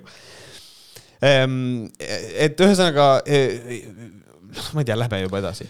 kui sa ei tea oma varjuuskumusi, siis sellest kursusest läbi minnes hakkad sa nägema oma rahaga seotud uskumusi ja vabanema varjust ongi, mul on vaja sellest varjust lahti saada. ja käid kursusel ära ja siis sul ei ole varju enam. ja lõpuks ongi nii, see on nagu koer, kes ajab oma saba taga mm. -hmm. Ever kätte ei saa, varjust lahti ei saa aga noh, selle jaoks ongi see mm. lugu. sellest, mis takistab sul luua raha ehedana ja oma väärtusi maha müümata. raha loomise takistus on sageli mujal, näiliselt rahaga mitte seotud elu osas. vari on üks ja kui sa võtad oma väe varjult tagasi, siis näed oma elu muutumas kõiges. see kursus on loodud nii, et sellest läbi minnes ja endaga töötades paljastad sa järjest endas olevaid raha loomisega seotud varjukoode ja tehes endaga tööd, vabastad neisse lukustunud väe. Sellega lood sa raha ja kõik muu oma elus varjuvabalt, ehedana. see on energeetiline muutus, mille sa ise lood. ja põhimõtteliselt see ongi nüüd, äh, kogu see jutt on niuke fucking häma, et see on lihtsalt konkreetselt, äh, selle on, see oleks nagu koostanud ai mingi algoritmi alusel äh, jätaks praegu hinna veel kõrvale, et ühesõnaga tegelikult siis alkeemiline raha on viieosaline digitaalne kursus, mida nad pakuvad, eh, mis siis aitab hakata sul oma raha loomist takistavad varjukoode ja uskumusi nägema täpselt ja kuidas nendest eh, vabaneda. ja kui te küsite, et mis selles kursuses sisaldub, hinnani me veel jõuame. viis võim-, vih-, viis võimsat videosalvestust, ma ei tea, kas see on mingi Dolby äh, audio või millega see tehtud on. võib olla küll, ülivõimas. viis võimsat videosalvestust, millest läbi minnes hakkad, ma ei tea, kuidas sa salvestusest läbi lähed, kas sa pead endale ekraani ostma ja siis läbi jooksma sellest. kas meil on ka võimsad salvestused, kas telefoniga salvestatud äh, video on võimas salvestus, kui seal sisu on tugev? mul 4K-s on väga võimas millest läbi minnes hakkad nägema, kus sa oled rahale oma väe andnud ja milliste sammudega sa oma raha loomise väe omaks võtad. siis sa saad maagilise varju ja valguse arhetüüpide kaardi. arhetüüp? ma tean seda sõna. ei, ei ei, ei, William Kavar rääkis arheotüüpidest, need on, see on mingi muu asi. seda küll, jah. mingi Patroni, viimane Patroni osa, rääkisime William Kavali seemnest tegeleme ainult tähtsate asjadega. ainult tähtsad asjad. mille abil hakkad nägema, kus sa oled väe, sa annad ise oma väe ära ja lop- ja siis lo otse loomulikult ligipääs sinise kookoni portaalile. vot see on win, kust leiad boonussisu ja videot energia muutumise ja uue teadvuse koodidega. kursuse sa saad läbida endale sobivas tempos ja sellele jääb piiramatu ligipääs. ja see hind on kolmsada eurot. kõigest kolmsada eurot. kolmsada eurot mm. -hmm. kui te kuulsite, kui te küsite, miks me seda ette loeme, me lugesime kogu selle jutu teile ette. ja nüüd mõelge, kolm sotti, kui nagu sa kuulad kõik selle mõttes. sa, sa, sa tahad veel nagu tunde siukest äh, sooja sitta. kolm sotti. jaa ja siis Karmen Britson Tamme, kes ei ole selle süsteemiga seotud, ka tema tegi siin hiljuti äh, kahekümne ühe päeva külluses äh, meisterklassi ka rahaga äh, teema ja Osa tema võttis, kusjuures tema võttis ainult kaheksakümmend üheksa euri. et see on nagu, nagu kaheksakümmend üheksa? Kurat, kas me ei, ei ja rääkinud? too oli veel väiksem. ja too oli ja siis ta küsis vist kolmkümmend. ja too oli veel vähem, aga viimati oli aprillis oli kaheksakümmend üheksa euri kahekümne päeva, ühe päeva külluses meistriklass. see on meistriklass, ära unusta, see on meistriklass. saad aru, siin mingisugune suvaline imbetsil äh,, no mitte inimene imbetsil, vaid see nagu see kursus ise on imbetsil, imbetsil kursus on kolmsada euri, aga ta oli meisterklass, kaheksakümmend üheksa euri. ja kusjuures ta ei ole enam Karmen Britson Tamme. ta on Carmiola de Santura tema vist nagu päriselt nüüd oma nime ära ei vahetanud, aga ma, kui ma mõtlen selle peale, et huvitav, kas see on nüüd see culture appropriation, millest me räägime, et kurat, ma võtan endale kuradi mingi siukse Ladina-Ameerika nime, tea. ma räägin sulle, miks. Carmen kirjutas selle, Carmiola, vabandust, Carmiola kirjutas selle kohta, me sunnime siia ilma, oota. Vabandust, ma hakkan otsast peale. me sünnime siia ilma okei okay,, me sünnime siia ilma, davai ja meile antakse nimi. me sureme ja meie nimi kirjutatakse hauatahvlile. abielludes võetakse austusest mehe esivanemate vastu lausa mehe nimi. mitte alati selles mõttes tegelikult, kes ei tea, siis äh, praegusel hetkel tegelikult, kui sa abiellud, siis sa maksad riigilõivu ära ja sul on võimalus oma nimi vahetada, aga sa ei pea seda tegema. et see on täiesti võimalik, et minu, et tegelikult äh, mina oleks Liisaga abiellunud ja mina oleks olnud Märt Koik, tema oleks olnud Liisa Roosileht ja me oleks olnud abielus. Hall Roosilehtega mingi. ei, ja oleks olnud endiselt abielus, et ei pea võtma üldse. aga mina ei teadnud seda, et nagu, et austusest mehe esivanemate vastu võetakse mehe nimi, mina mõtlesin, et austusest mehe vastu võetakse. ma ei tea seda. mehe nimi või see on nagu? võimalik, ma ei tea. ma ei tea, kas, kas minu abikaasa peaks austama minu esivanemaid või? ma ei, üldse ei tea, minu arust ei peaks isegi sind austama, aga näed. aa, näed aus Thanks. kui sa aga kunagi hingena sellele kõigele järgi vaatad mälestusena sellest elust, kas see oli ikka sinu nimi? Või sa elasid enda nimetaotlust. mis siis oleks, kui sa elaksid enda elu kellegina, kelleks oled siia ilma loodud, koos nimega, mis sind tegelikult hinges kannab. nimi, mis pandi sinu emale või isale, ei pruugi enam sinu hinge. ja nüüd ma jätkan kohe, vaja äh, jätkata siit. hinge teenida. see ei pruugi olla enam sinu lugu või sinu saatus, see ei pruugi olla enam see tee, mida tuleb sinul käia mis siis oleks, kui sa saaksid täna endale ise oma nime valida? nime, mis sind hingena toetab ja kannab sinu vaimne nimi. nime, mis on sinu loominguline pinnas kõigele, mida sa lood ja ehitad. pärandina antud nimi on tihtilugu, mitte alati, vaid kohustus täita kohustust, esindamaks kellegi teise unistust. kohtumine iseend- ah,, hashtag kohtumine iseendaga. Carmiola de Sanchura, praying hands. et. appi, appi. et nii on et varem ta oli Karmen Britson Tamme. siis ta oli Karmen Britson. jah, nüüd ta on Carmiola, Carmiola de Santura. aga see, seda saab laulda. aga elu meres möllab ja võtab kaheksakümmend üheksa euri su käest. et just, et kaheksakümmend üheksa euri võimalus saada oluliselt palju targemaks või kolmsada euri või Lähte Võhkrate patrooni, maksate viis eurot ja saate targemaks kuulata, siis meil see on ebareaalne, viis euri või? ei ole, viie euri eest sa võid kümme ka maksta. kolmkümmend üks saadet. kolmkümmend üks see on saadet. ebareaalne. viimane saade oli kaks tundi, ütled kaks tundi, sada kakskümmend minutit, ja, pluss veel kolmkümmend osa, holy shit. ja see on viis eurot kuus, et jah, tõesti. viis eurot see ei ole kuus. alatiseks nagu, nagu siin see kolmesaja euro eest, et li, piiramatu ligipääs, nii kaua kui iga kuu maksate, siis on piiramatu. viis eurot, kümme, ma oleks nõus maksma või viiskümmend, kui oleks võimalus. mul ei ole seda võimalust. aa, ma mõtlesin, et aga, aga maksa, maksa. aga jaa, www.patreon.com, kaldkriips ja vohkarid. Subscribe ja like. Subs-, subscribe and ja like en, aga nüüd on aeg Fun time. äh, heita endalt äh, orjarüü äh, ja rääkida Malle Pärna kolumnist pealkirjaga Uus normaalsus on ebanormaalsus, uus tõde on vale. ja Malle Pärn on oma uhkes headuses äh, saavutanud siin tead sellise taseme, et ma pidin enne saate salvestust tegema isegi ühismeedias seal osa postituse, sellepärast et see asi loeb nagu satiir ja minu arust on siin saavutatud uus tase ja, ja ma isegi ei tunne ennast kuidagi nagu, et oh, me loeme jälle Pärna, see on väga eriline artikkel, see on väga äge, mulle see väga meeldib, ma loen seda väga hea meelega et hakkame siis algusest minema ja mõtleme, et, mis küll ometi on, ometi on üks juhtunud. küsimus veel enne selle juurde minekut on see, et äh, Imre Vähi tegi postituse Facebookis, kus ta ütles, et ta nägi ka neid äh, LGBT inimesi ja ta nagu ei saanudki aru, mis need on, et inimesed on tegelikult meheks ja naiseks löödud ja loodud ja et noh, ta väga huvitav vaatepilt oli. ja Malle Pärn kirjutas selle kommentaari, kas pilti tegid? mida see tähendab?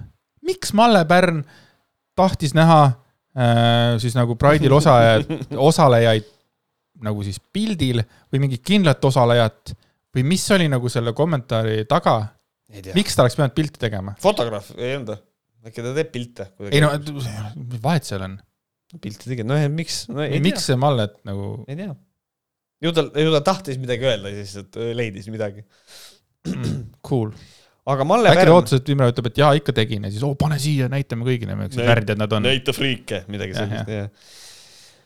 uh, tänapäeval on paljud inimesed hakanud kirglikult tegelema mingite pseudoteemadega.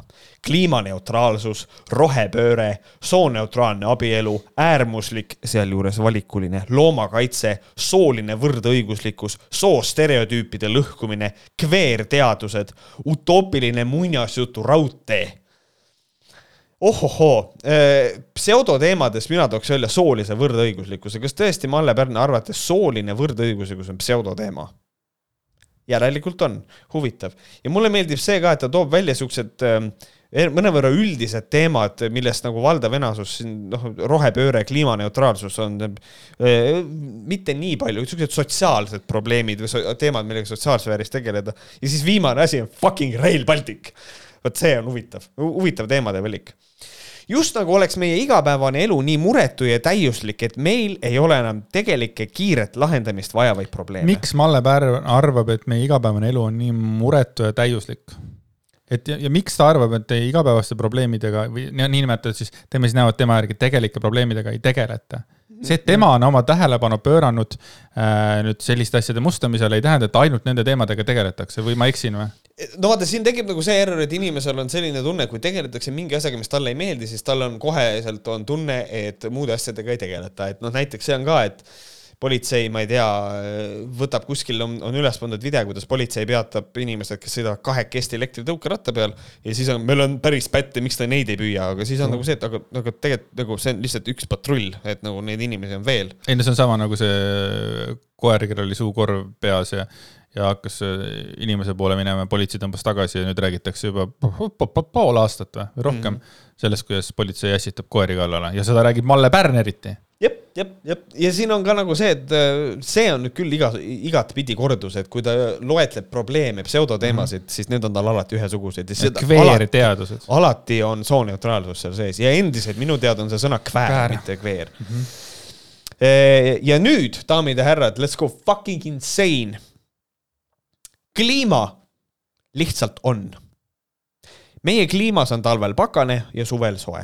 me ei saa seda ju tegelikult kujundada, meie mõju kliimale on imeväike, kui seda üldse on. ühesõnaga, siin on see climate change denialism on sees mm -hmm. ja ma kirjutasin siia kommentaariks, ma lihtsalt suren ära, et siin on, et kliima lihtsalt on, okei okay need kuradi kväärteadused ka lihtsalt on, liberaalid ka lihtsalt on, mis me nüüd teeme siis? homoseksuaalid ka lihtsalt on. lihtsalt on, et nagu, et, et sa ju ei saa seda kujundada või no siin on ka, meil on kliimas talvel on pakane ja suvel soe.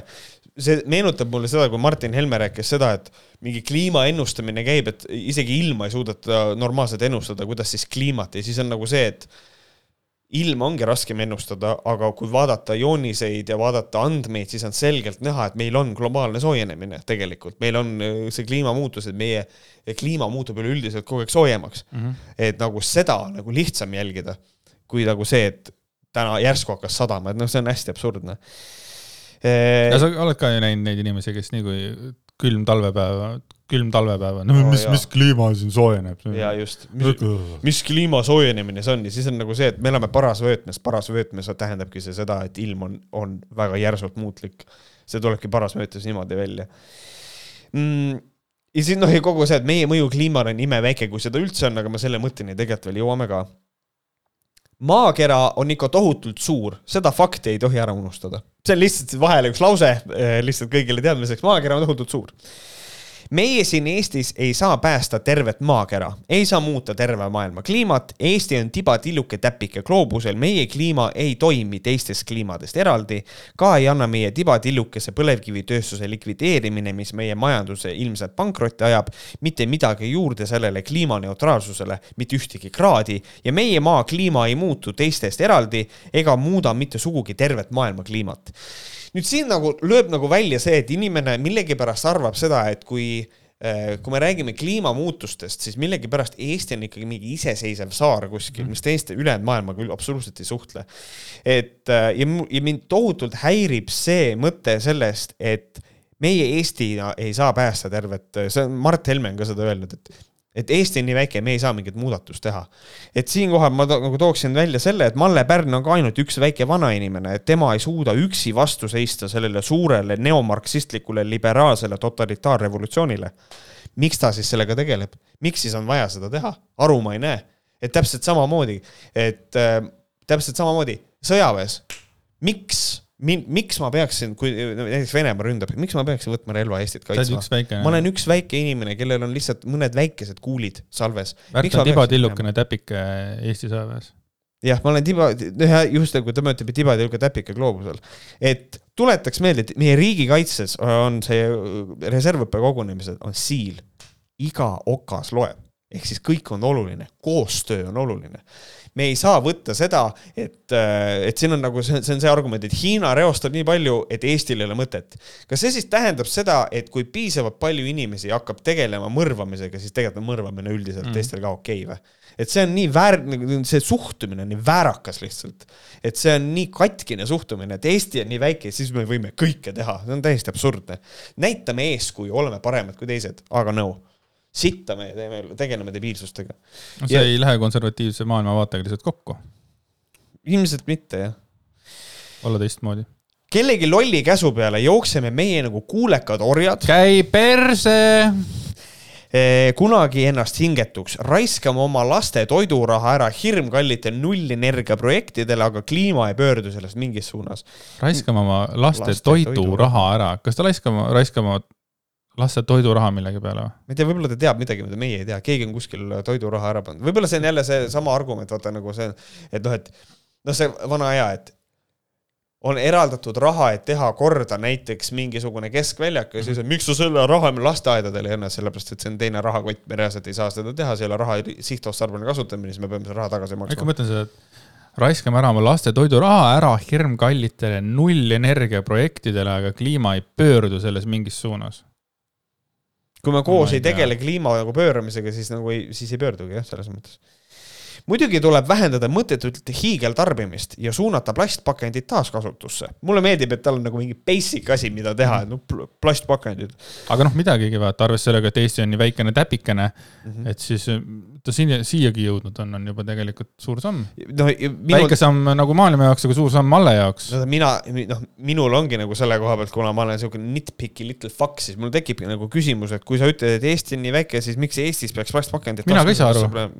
see on Eesti pakendid, neid on nii vähe, väike tilk meres. rahulikult loopida kõik minema see on õige, aga unustame ometi ära selle neetud CO2, ärme ajame seda nulli taga. süsihappegaas on ju osa meie atmosfääri õhustikust ja võõrama petistest õhumüüjad ei maksaks küll uskuda. vot siin nüüd tekib nagu see, et mulle nagu jällegi ta nagu ei, üldse ei saa aru, et see CO2, oh, et äh, iga inimese äh,, sinu see ökoloogiline jalajälg ei saa küll olla null aga sa pead tegelema nii palju, nagu me peaks inimkonnana tegelema sellega, et me võimalikult vähe toodaks CO2, et meil oleks kasvuhoonegaase vähem, et temperatuur tõuseks planeedil Maa aeglasemalt.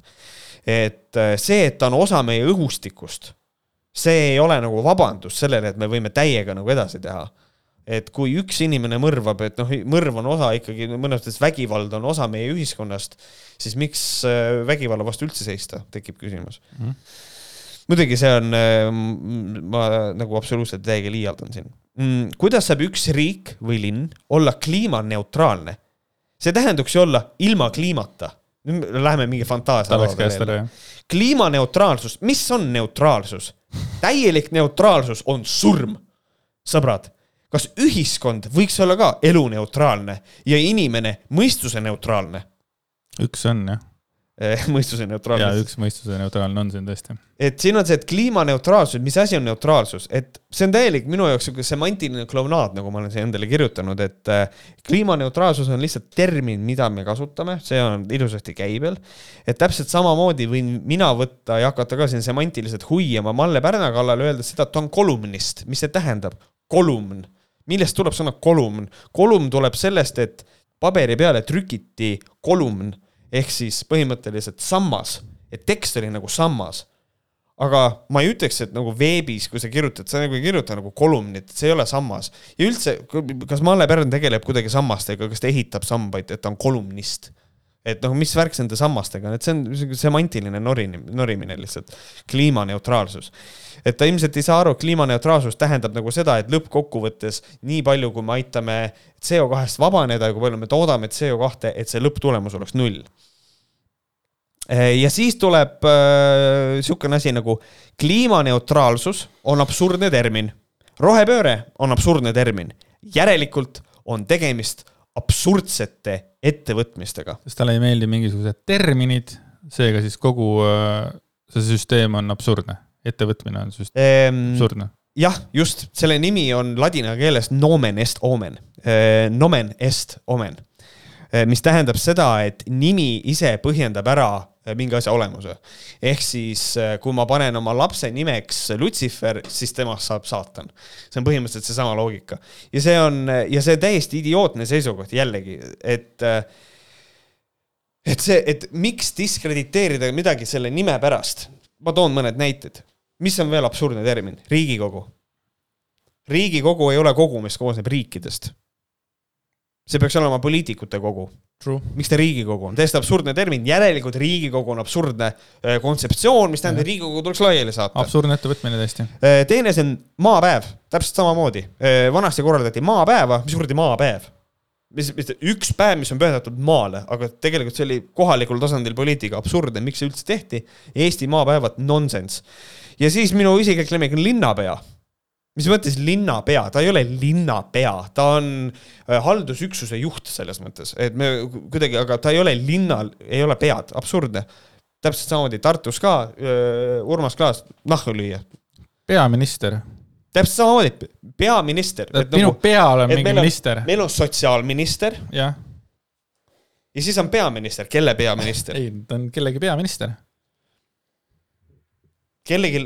jalaminister võib ka olla. ministeeriumi pea siis, aga see on ka nagu noh, ühesõnaga ka, et ühesõnaga siin võib ka, mina võin täpselt samamoodi kui semantilist fucking klounaadi suust välja ajada meil ei ole mingit neutraalsust ega pööret kuhu, kuhugi poole, ei rohelist ega lillat. jaa, ikka lilla tuli ära. sitaks hea tuli ära, kuradi. vanamutt istub ja lihtsalt kirjutab lilla. meil on lihtsalt vaja hakata mõistlikumalt elama. Thanks, see aitab meid väga palju. ilma rumalate propagandakampaaniateta. ma ta on ilmselt näinud juba EKRE mingeid äh, neid äh, töös olevaid plakateid valimiste ajaks. Objektiivi neid äh, raha kutsumise plakateid. ilma plakateid, oma videosid. majanduse, videosid ikka.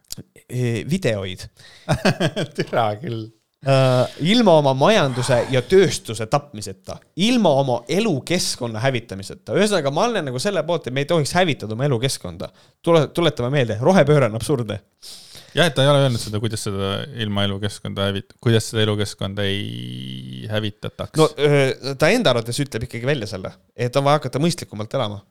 mida Aa, see tähendab, seda okay, ta ei ütle. see on okei okay., siis on selge tegelikult Jah. noh, hakata mõistlikumalt elama, oleks kohe teadnud. täitsa lolla, kuidas me nii lollakalt oleme elanud? absoluutselt ei tea mina.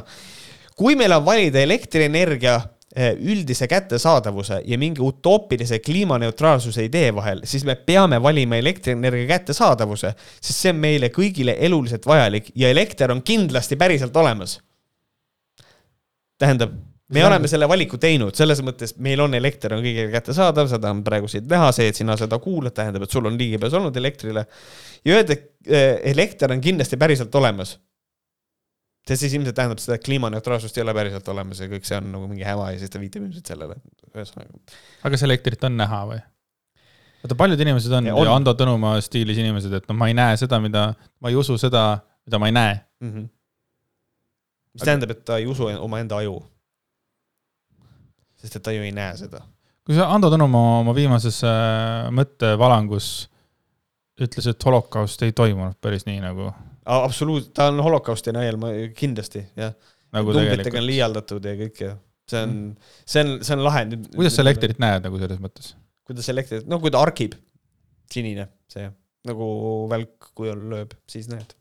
välk on ju staatiline elekter, õhku näed või? õhku, õhku ei näe armastust? armastust, no ma niikuinii ei usu, et armastus olemas on, ei. aga sa armastad oma naist ju? jaa, armastan. aga Siis ta- armastus on lihtsam viis, kuidas väljendada kiindumust ja harjumust. ega selles mõttes sa usud, et armastus on ikkagi olemas ju? kui sa kasutad sõna armastan ju. no öö, armastus iseenesest ei ole asi, mida, mis on päriselt olemas. sa just ütlesid, see on kiindumus ja mingid muud positiivsed tunded. jaa, aga, aga inimesed käsitlevad armastust kui mingit eraldi emotsiooni, et öö, seda ma ei usu. kui sa vaatad oma last, kas sa ei tunne tohutut nagu armastust enda hingelt, südamest ja hingest ja ma ei tea, mis kõik kohad Mhm. siin on välja hüppamas või? ma kirjeldaksin seda nii, jah. aga ma ei usu, et see on armastus, ma kujutan ette, et see on bioloogiline imperatiiv, mis on mulle sisse kodeeritud, sest tegu on minu lapsega. ja on loogiline, et ma olen temasse kiindunud, sellepärast et ma kasvan temaga koos üles ja ikka, aga armastus kui selline eraldi emotsioon, ma ei usu. ta, no vot jah, see, et ma, kui ma oma last vaatan või temaga koos olen, siis mul ma nii- niimoodi pulbitsen, ma tunnen, et see on nagu armastus on nii suur, et ma lähen lõhki kohe. oma abikaasat vaadates samamoodi, aga lapsega on see armastus veel omakorda nagu mingisugune mm. -hmm. nagu teistsugune, vaata. jah, see kõik on väga tore, ma ei diskrediteeri seda absoluutselt ei, ma saan aru sellest, ma lihtsalt, mina pean ka nagu armastust ikkagi nagu tundeks eraldi mm. -hmm. Ja see- noh, see, seda lahti võttes, muidugi seal on kõik asjad sees, kiindumus ja kõik need ülejäänud tunded on ju. ma arvan, et äh, minu seisukohta jagab võib-olla öö, kaks inimest sajast kokku ja sealhulgas olen mina ka, et äh, kes ei usu. aga Liisa? Liisa, ma ei tea, ma ei ole temaga sellest rääkinud, ma olen seda öelnud, aga ma, ma ei tea. me ei pea oluliseks sellistest asjadest rääkimist, ma ei tea. Davai, aus. Malle Pärn, kas sa saad edasi minna? jaa, saan küll. inimeste normaalne elu on olulisem kui heaolust lolliks läinud rahamagnaatide väljamõeldised. mis see siis normaalne elu on? kas see normaalne elu on siis see, et aga vanasti ei olnud ju elektrit ju. kuidas, kuidas konservatiivile sobib nagu see elekter? see on ka uus saatanast asi, ei ole või? ei no vaata, siin jällegi jõuan tagasi selle kohani, et minu arust, mis on konservatismi puhul hästi fun asi, on see, et konservatiivid peavad valima mingisuguse perioodi, millesse nad on kiindunud. Mm. et äh, kas naistel on valimisõigus, peaks nagu olema. seda leiab Malle Pärn ka, ma eeldan. tema on selles kinni, aga on olemas konservatiive, kes ütlevad, et ei, naised võiks kodus olla ja mehed võiks tegeleda poliitikaga, mis tähendab ka mehed võiksid hääletada ainult. siukseid inimesi on ka olemas. et noh, see on sihuke. mis sa arvad, kus Malle siis kinni on? Ta on ikkagi siis kuskil eelmise sajandi keskel. mina arvan, et ta on homo soveticus, ma arvan, et ta on midagi sinnakanti, pigem selline nõukogude aja produkt, ma ise eeldan. Davai, siis, siis on elekter okei okay.. jah absurdsete terminite kasutamine näitab sotsiaalset ja vaimset ebaküt-, ebaküpsust, pehmelt väljendudes. pimedat allumist mingile utoopilisele ideoloogilisele süsteemile. see on hea, sest nõnda tunneme ära valed millele meid tahetakse allutada. Alex Jones'i meenutab natukene juba. sooneutraalne abielu on absurdne termin see ei ole ju sooneutraalne, kui mees tahab kindlasti abielluda mehega. sooneutraalne tähendaks ju seda, et tal oleks ükskõik, mis soost on ta partner. nii, kas te palun tulistaksite mind pumppüssiga näkku? ma ei ole suuteline aru saama, kuidas on inimene, kes peab eesti keelt nii oluliseks, seda, kuidas räägitakse, paneb nii räigelt mööda kui üks mees tahab abielluda teise inimesega, siis see suhe ei ole sooneutraalne, sest et üks mees tahab olla koos teise mehega. ja kui ta saab abielluda, siis abielu kui institutsioon on sooneutraalne. ehk siis abielu ei kehti sellest, mis soost inimesed on me räägime institutsiooni sooneutraalsusest, mitte see, et üks mees tahab teisega abielluda. mul on selline tunne, et ta tegelikult saab sellest aru, aga ta lihtsalt tegi selle. ühesõnaga, ma ei usu, et see inimene on nii rumal, et ta niimoodi kirjutas nagu meelega. sooneutraalne tähendaks nagu seda, et tal oleks ükskõik, mis soost on ta partner.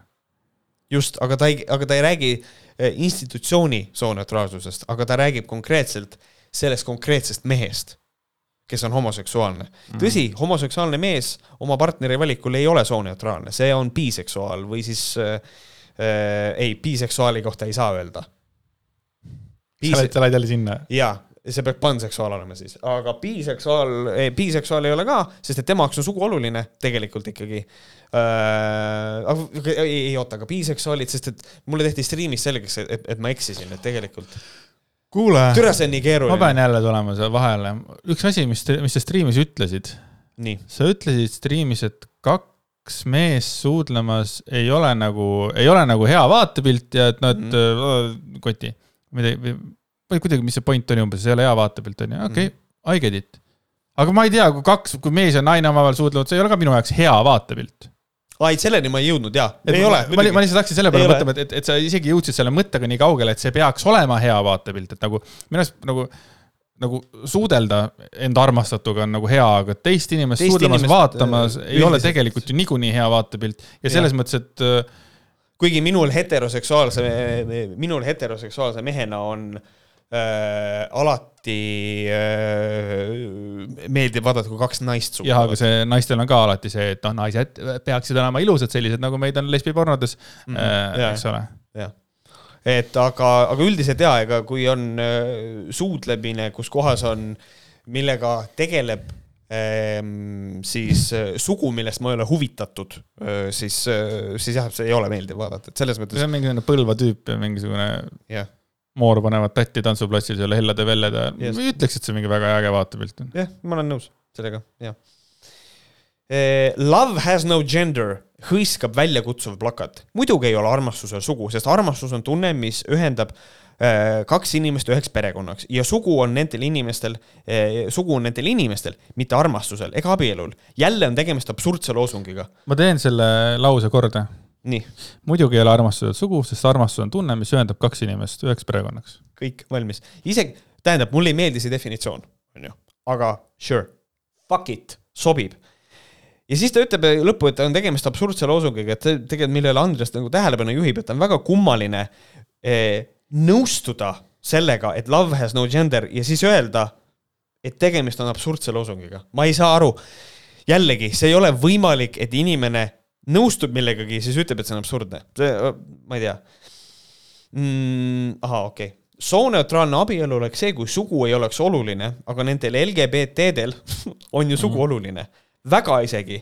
L-inimesed tahavad kindlasti naissoost inimesi G-inimesed tahavad jälle meessoost inimesi, miks sa ei ütle lesbid ja geid? ei, mina arvan, et L-inimene on lesbi inimesed ja G-inimesed on kederast inimesed. Kederest. olen täiesti kindel selles, aga kas sa oled kunagi kuulnud, tähendab, mina ei ole varem kuulnud, et keegi oleks kasutanud siukest sõna nagu L-inimesed ja G-inimesed. ei ole ka. nagu what? ütle lesbi, lesbi on okei sõna. mina olen aru saanud sellest, et aga gei on ka ju lesbi, selles mõttes, et lesbi on ka ju gei, miks see on nagu kusjuures L-inimesed ja G-inimesed ma siis?, ma natukene öö, mõtlesin selle asja peale ja ma tahtsin öelda sedasama, et tegelikult gei, ma kujutan ette, Malle Pärna oleks seda eriti putsis asi öelda, et tegelikult gei on sooneutraalne termin mm. -hmm. täpselt nagu homoseksuaalgi Jah. et see tähendab, et sa huvitud samast soost. aga siis meestel ei olegi siis sellist nagu viisakat äh, viisakat oma soo iharat äh, sõna või? gei mees ainult jah, mis on siis nagu liitega sõna onju, aga, aga äh, ma mõtlesin selle peale, et LGBTIA pluss äh, termin, see L tähendab lesbisid ja G tähendab geisid, ehk siis tegelikult. Aha. tänapäevases äh, ikkagi äh, mulle tundub, et see normatiiv on see, et kui öeldakse gei, mõeldakse mehi äh,. vähemalt mul on selline mulje jäänud. osata, ta ütleb ka, et ma olen gei. võib, kõik ütlevad ikkagi, kõik, mul ei ole nii palju neid inimesi, keda ma tean, aga muidugi noh, mina nagu leian, et võiks olla ühine nimetaja, mis on siis kas queer või queer, aga, aga noh, ühesõnaga see on selle kogukonna enda asi. ja siis nüüd ta lisab, meid ei huvita sooneutraalsus, sest nende tunnete aluseks on ju mingi kindel suguline tegevus, mis ei ole mitte sooneutraalne. sugueluline tegevus sugueluline tegevus, jah, no ühesõnaga ta räägib siin seksimisest. hakkab pihta jälle. ja jälle millegi, Malle lükkab käe sügavale äh, ja, kohta, kuhu päike ei paista. ja, ja nüüd öö, ta lükkab selle sinna ja ta näitab ka seda, et ta ei tea, millest ta räägib jällegi. Neid ei huvita sooneutraalsust, sest nende tunnete aluseks on mingi kindel suguline tegevus, mis ei ole mitte sooneutraalne. ta ütleb seda sellepärast, et ta mainib ise lesbisid ja ta mainib geisid mm, -hmm. aga ta ei maini inimesi, kes näiteks on biseksuaalsed või, või nagu noh, no biseksuaalne on väga hea näide, et nagu inimesed, kellel tegelikult eh, sugu ühte puhul ei ole oluline, mis soost inimene on, mis tähendab, et nende inimeste jaoks on see sugune tegevus sooneutraalne. ma ei tea, kuidas on võimalik, et nagu, vot see näitab sellest nagu seda, et ikkagi ta on ikka väga kinni mingisse, tema jaoks biseksuaal on juba mingisugune mingi fake asi vist, mingi fake shit. noh, ühesõnaga ei saa aru. aga kas mitte tema ei olnud, kas mitte Malle ei olnud see, kes kunagi ütles, et abielu mingisuguseks põhiseks alustalaks on seksuaalsuhted või mingi siukene või? Mm, vist oli midagi. ma tahtsin sulle öelda, et miks ma korraga naerin, mulle meeldib see, et mina kogu aeg puterdan, onju. ja siis sina ma- kaks korda lugesid, mul on nii hea meel. sa lugesid, sest nende tunnete aluseks on ju mingi kindel suguline tegevus, siis loed lause ära, loed uuesti, on kindel suguline tegevus. tegelikult on suguelu. see on nii armas lihtsalt, ma olen nii rahul. Ehm, ja, ja, ja nüüd natuke f- fantaasiakirjandust ka. sooneutraalne peaks olema ilma sugueluta, ilma erootikata. erotikat, kas sa kujutad äh, Malle Pärna e- erootiliselt? huvitav küsimus, tähendab selles mõttes, et ma vastan sellele ei, ma ei tea, kuidas see sellega seotud on, aga vastus on ei. ei midagi, lihtsalt. okei okay.. et äh, ma olen siia endale kirjutanud selle, et ma ei ole võimeline aru saama, kuidas on võimalik, et selline eesti keele fanaatik teeb sellise vangerduse, et ta sooneutraalsust äh, ütleb, et see peaks tähendama ilma sugueluta. sellepärast, et äh, sugu äh,, suguelu ei ole sama, mis sugu jah, mõni inimene ütleb, oh, me tegime sugu, aga see inimene kasutab seda asja valesti. sugu on inimese sugu ja suguelu on seks. seega sooneutraalne räägib inimese soost, mitte suguelust. aga mis see erootika siia puutub? ma ei tea, mul on selline tunne, et ta lihtsalt, mul, mul on üha enam on selline tunne, et ta armastab väga eesti keelt, aga ta ei oska seda. sooneutraalne peaks olema ilma sugueluta, ilma erootikata. et noh, võib-olla, et sa, kui sa oled sooneutraalne, siis sa ei saa mitte kunagi erootikat, sa ei saa vaadata aga. vaadata ka ei saa. ilmselt mitte jah. sooneutraalne on sõprus, sest sõbrad ei lähe voodisse hullama. Again, ta ei tea, mis asi on friends with benefits vist. et see on täiesti reaalne, et on olemas inimesed, kes on sõbrad ja nende jaoks ka suguühe on osa nende sõprusest. aga ma ei julge elu sees sellele inimesele nagu siin nagu minna jutuga. ja nüüd sobib see, et friendship has no gender, jaa, aga ennem oli love has no gender, siis see on äh, äh, absurdne loosung. see on ebareaalne minu jaoks. Friendship has no gender ei ole siis absurdne loosung või? vot,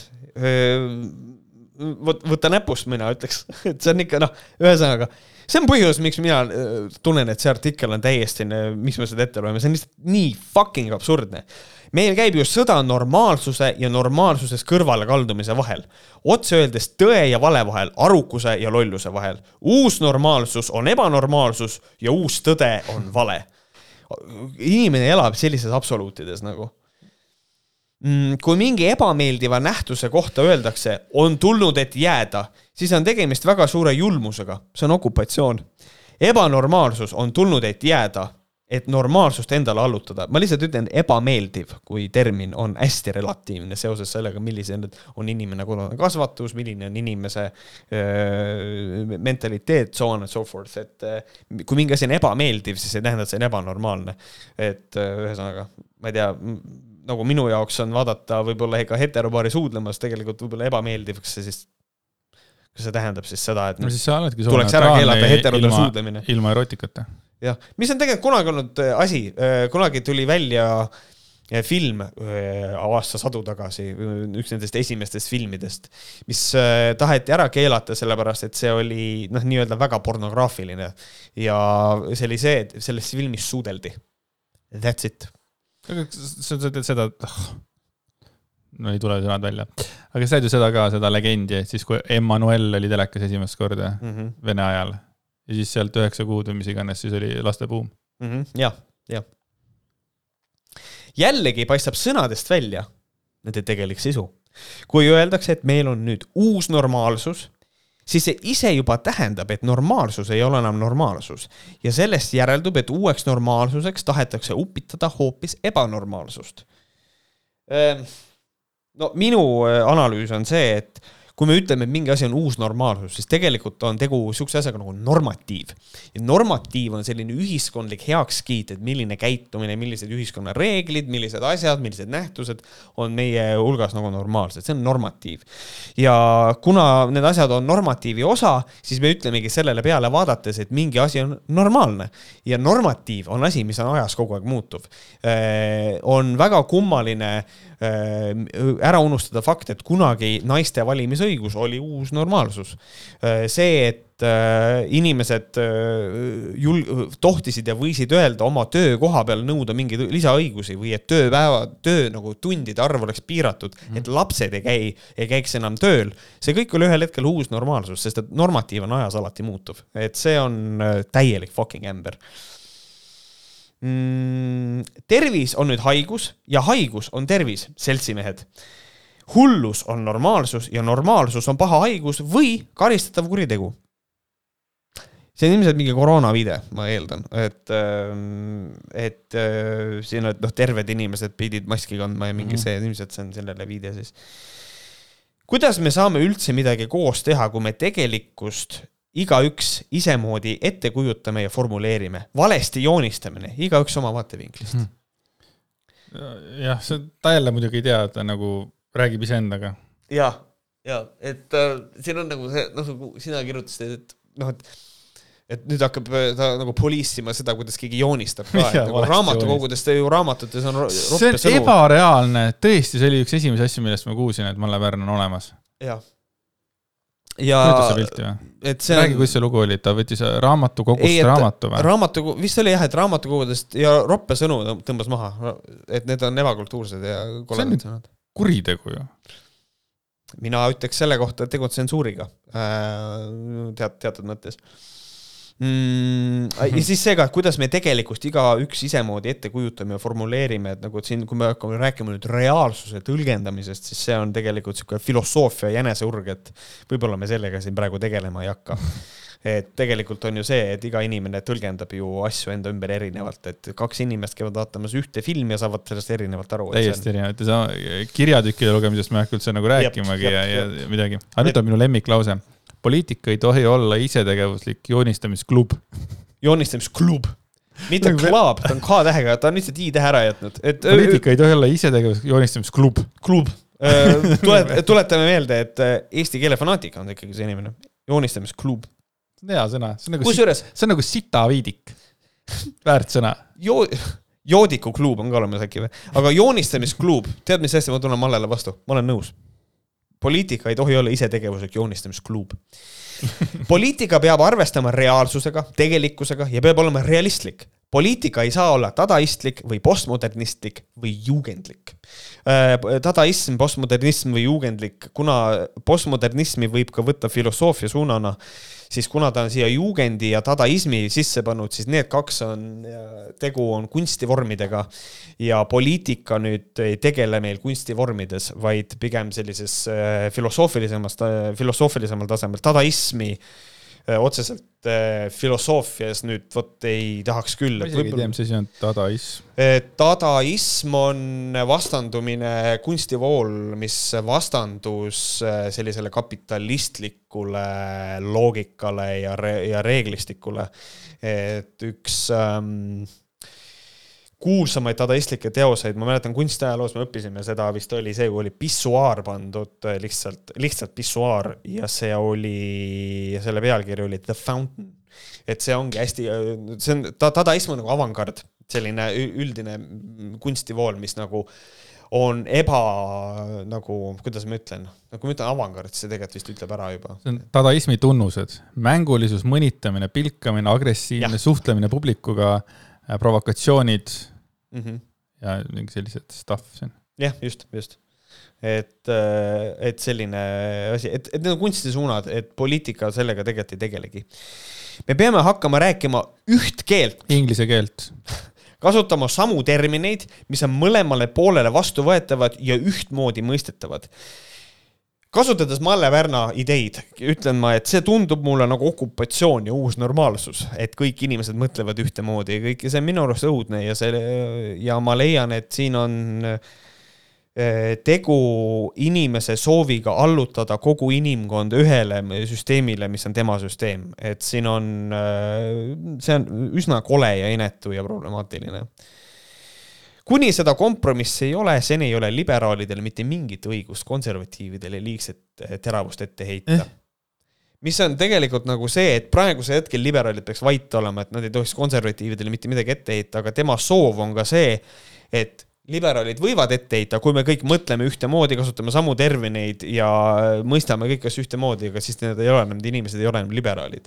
et kui me võtame mingisugused asjad nagu kliimaneutraalsus ja me oleme fucking istume oma arvuti taga ja me ei saa aru, mida see sõna tähendab, siis nagu sorry, kui me ei saa aru sellest, et sooneutraalne abielu ei tähenda seda, et homoseksuaalne mees peab olema sooneutraalne, vaid seda, et institutsioon on sooneutraalne, siis sorry, wake up, sina oled see, kes on teistest maas ja sina pead järgi jõudma demokraatias tuleb arvestada erinevaid poliitilisi suundumusi.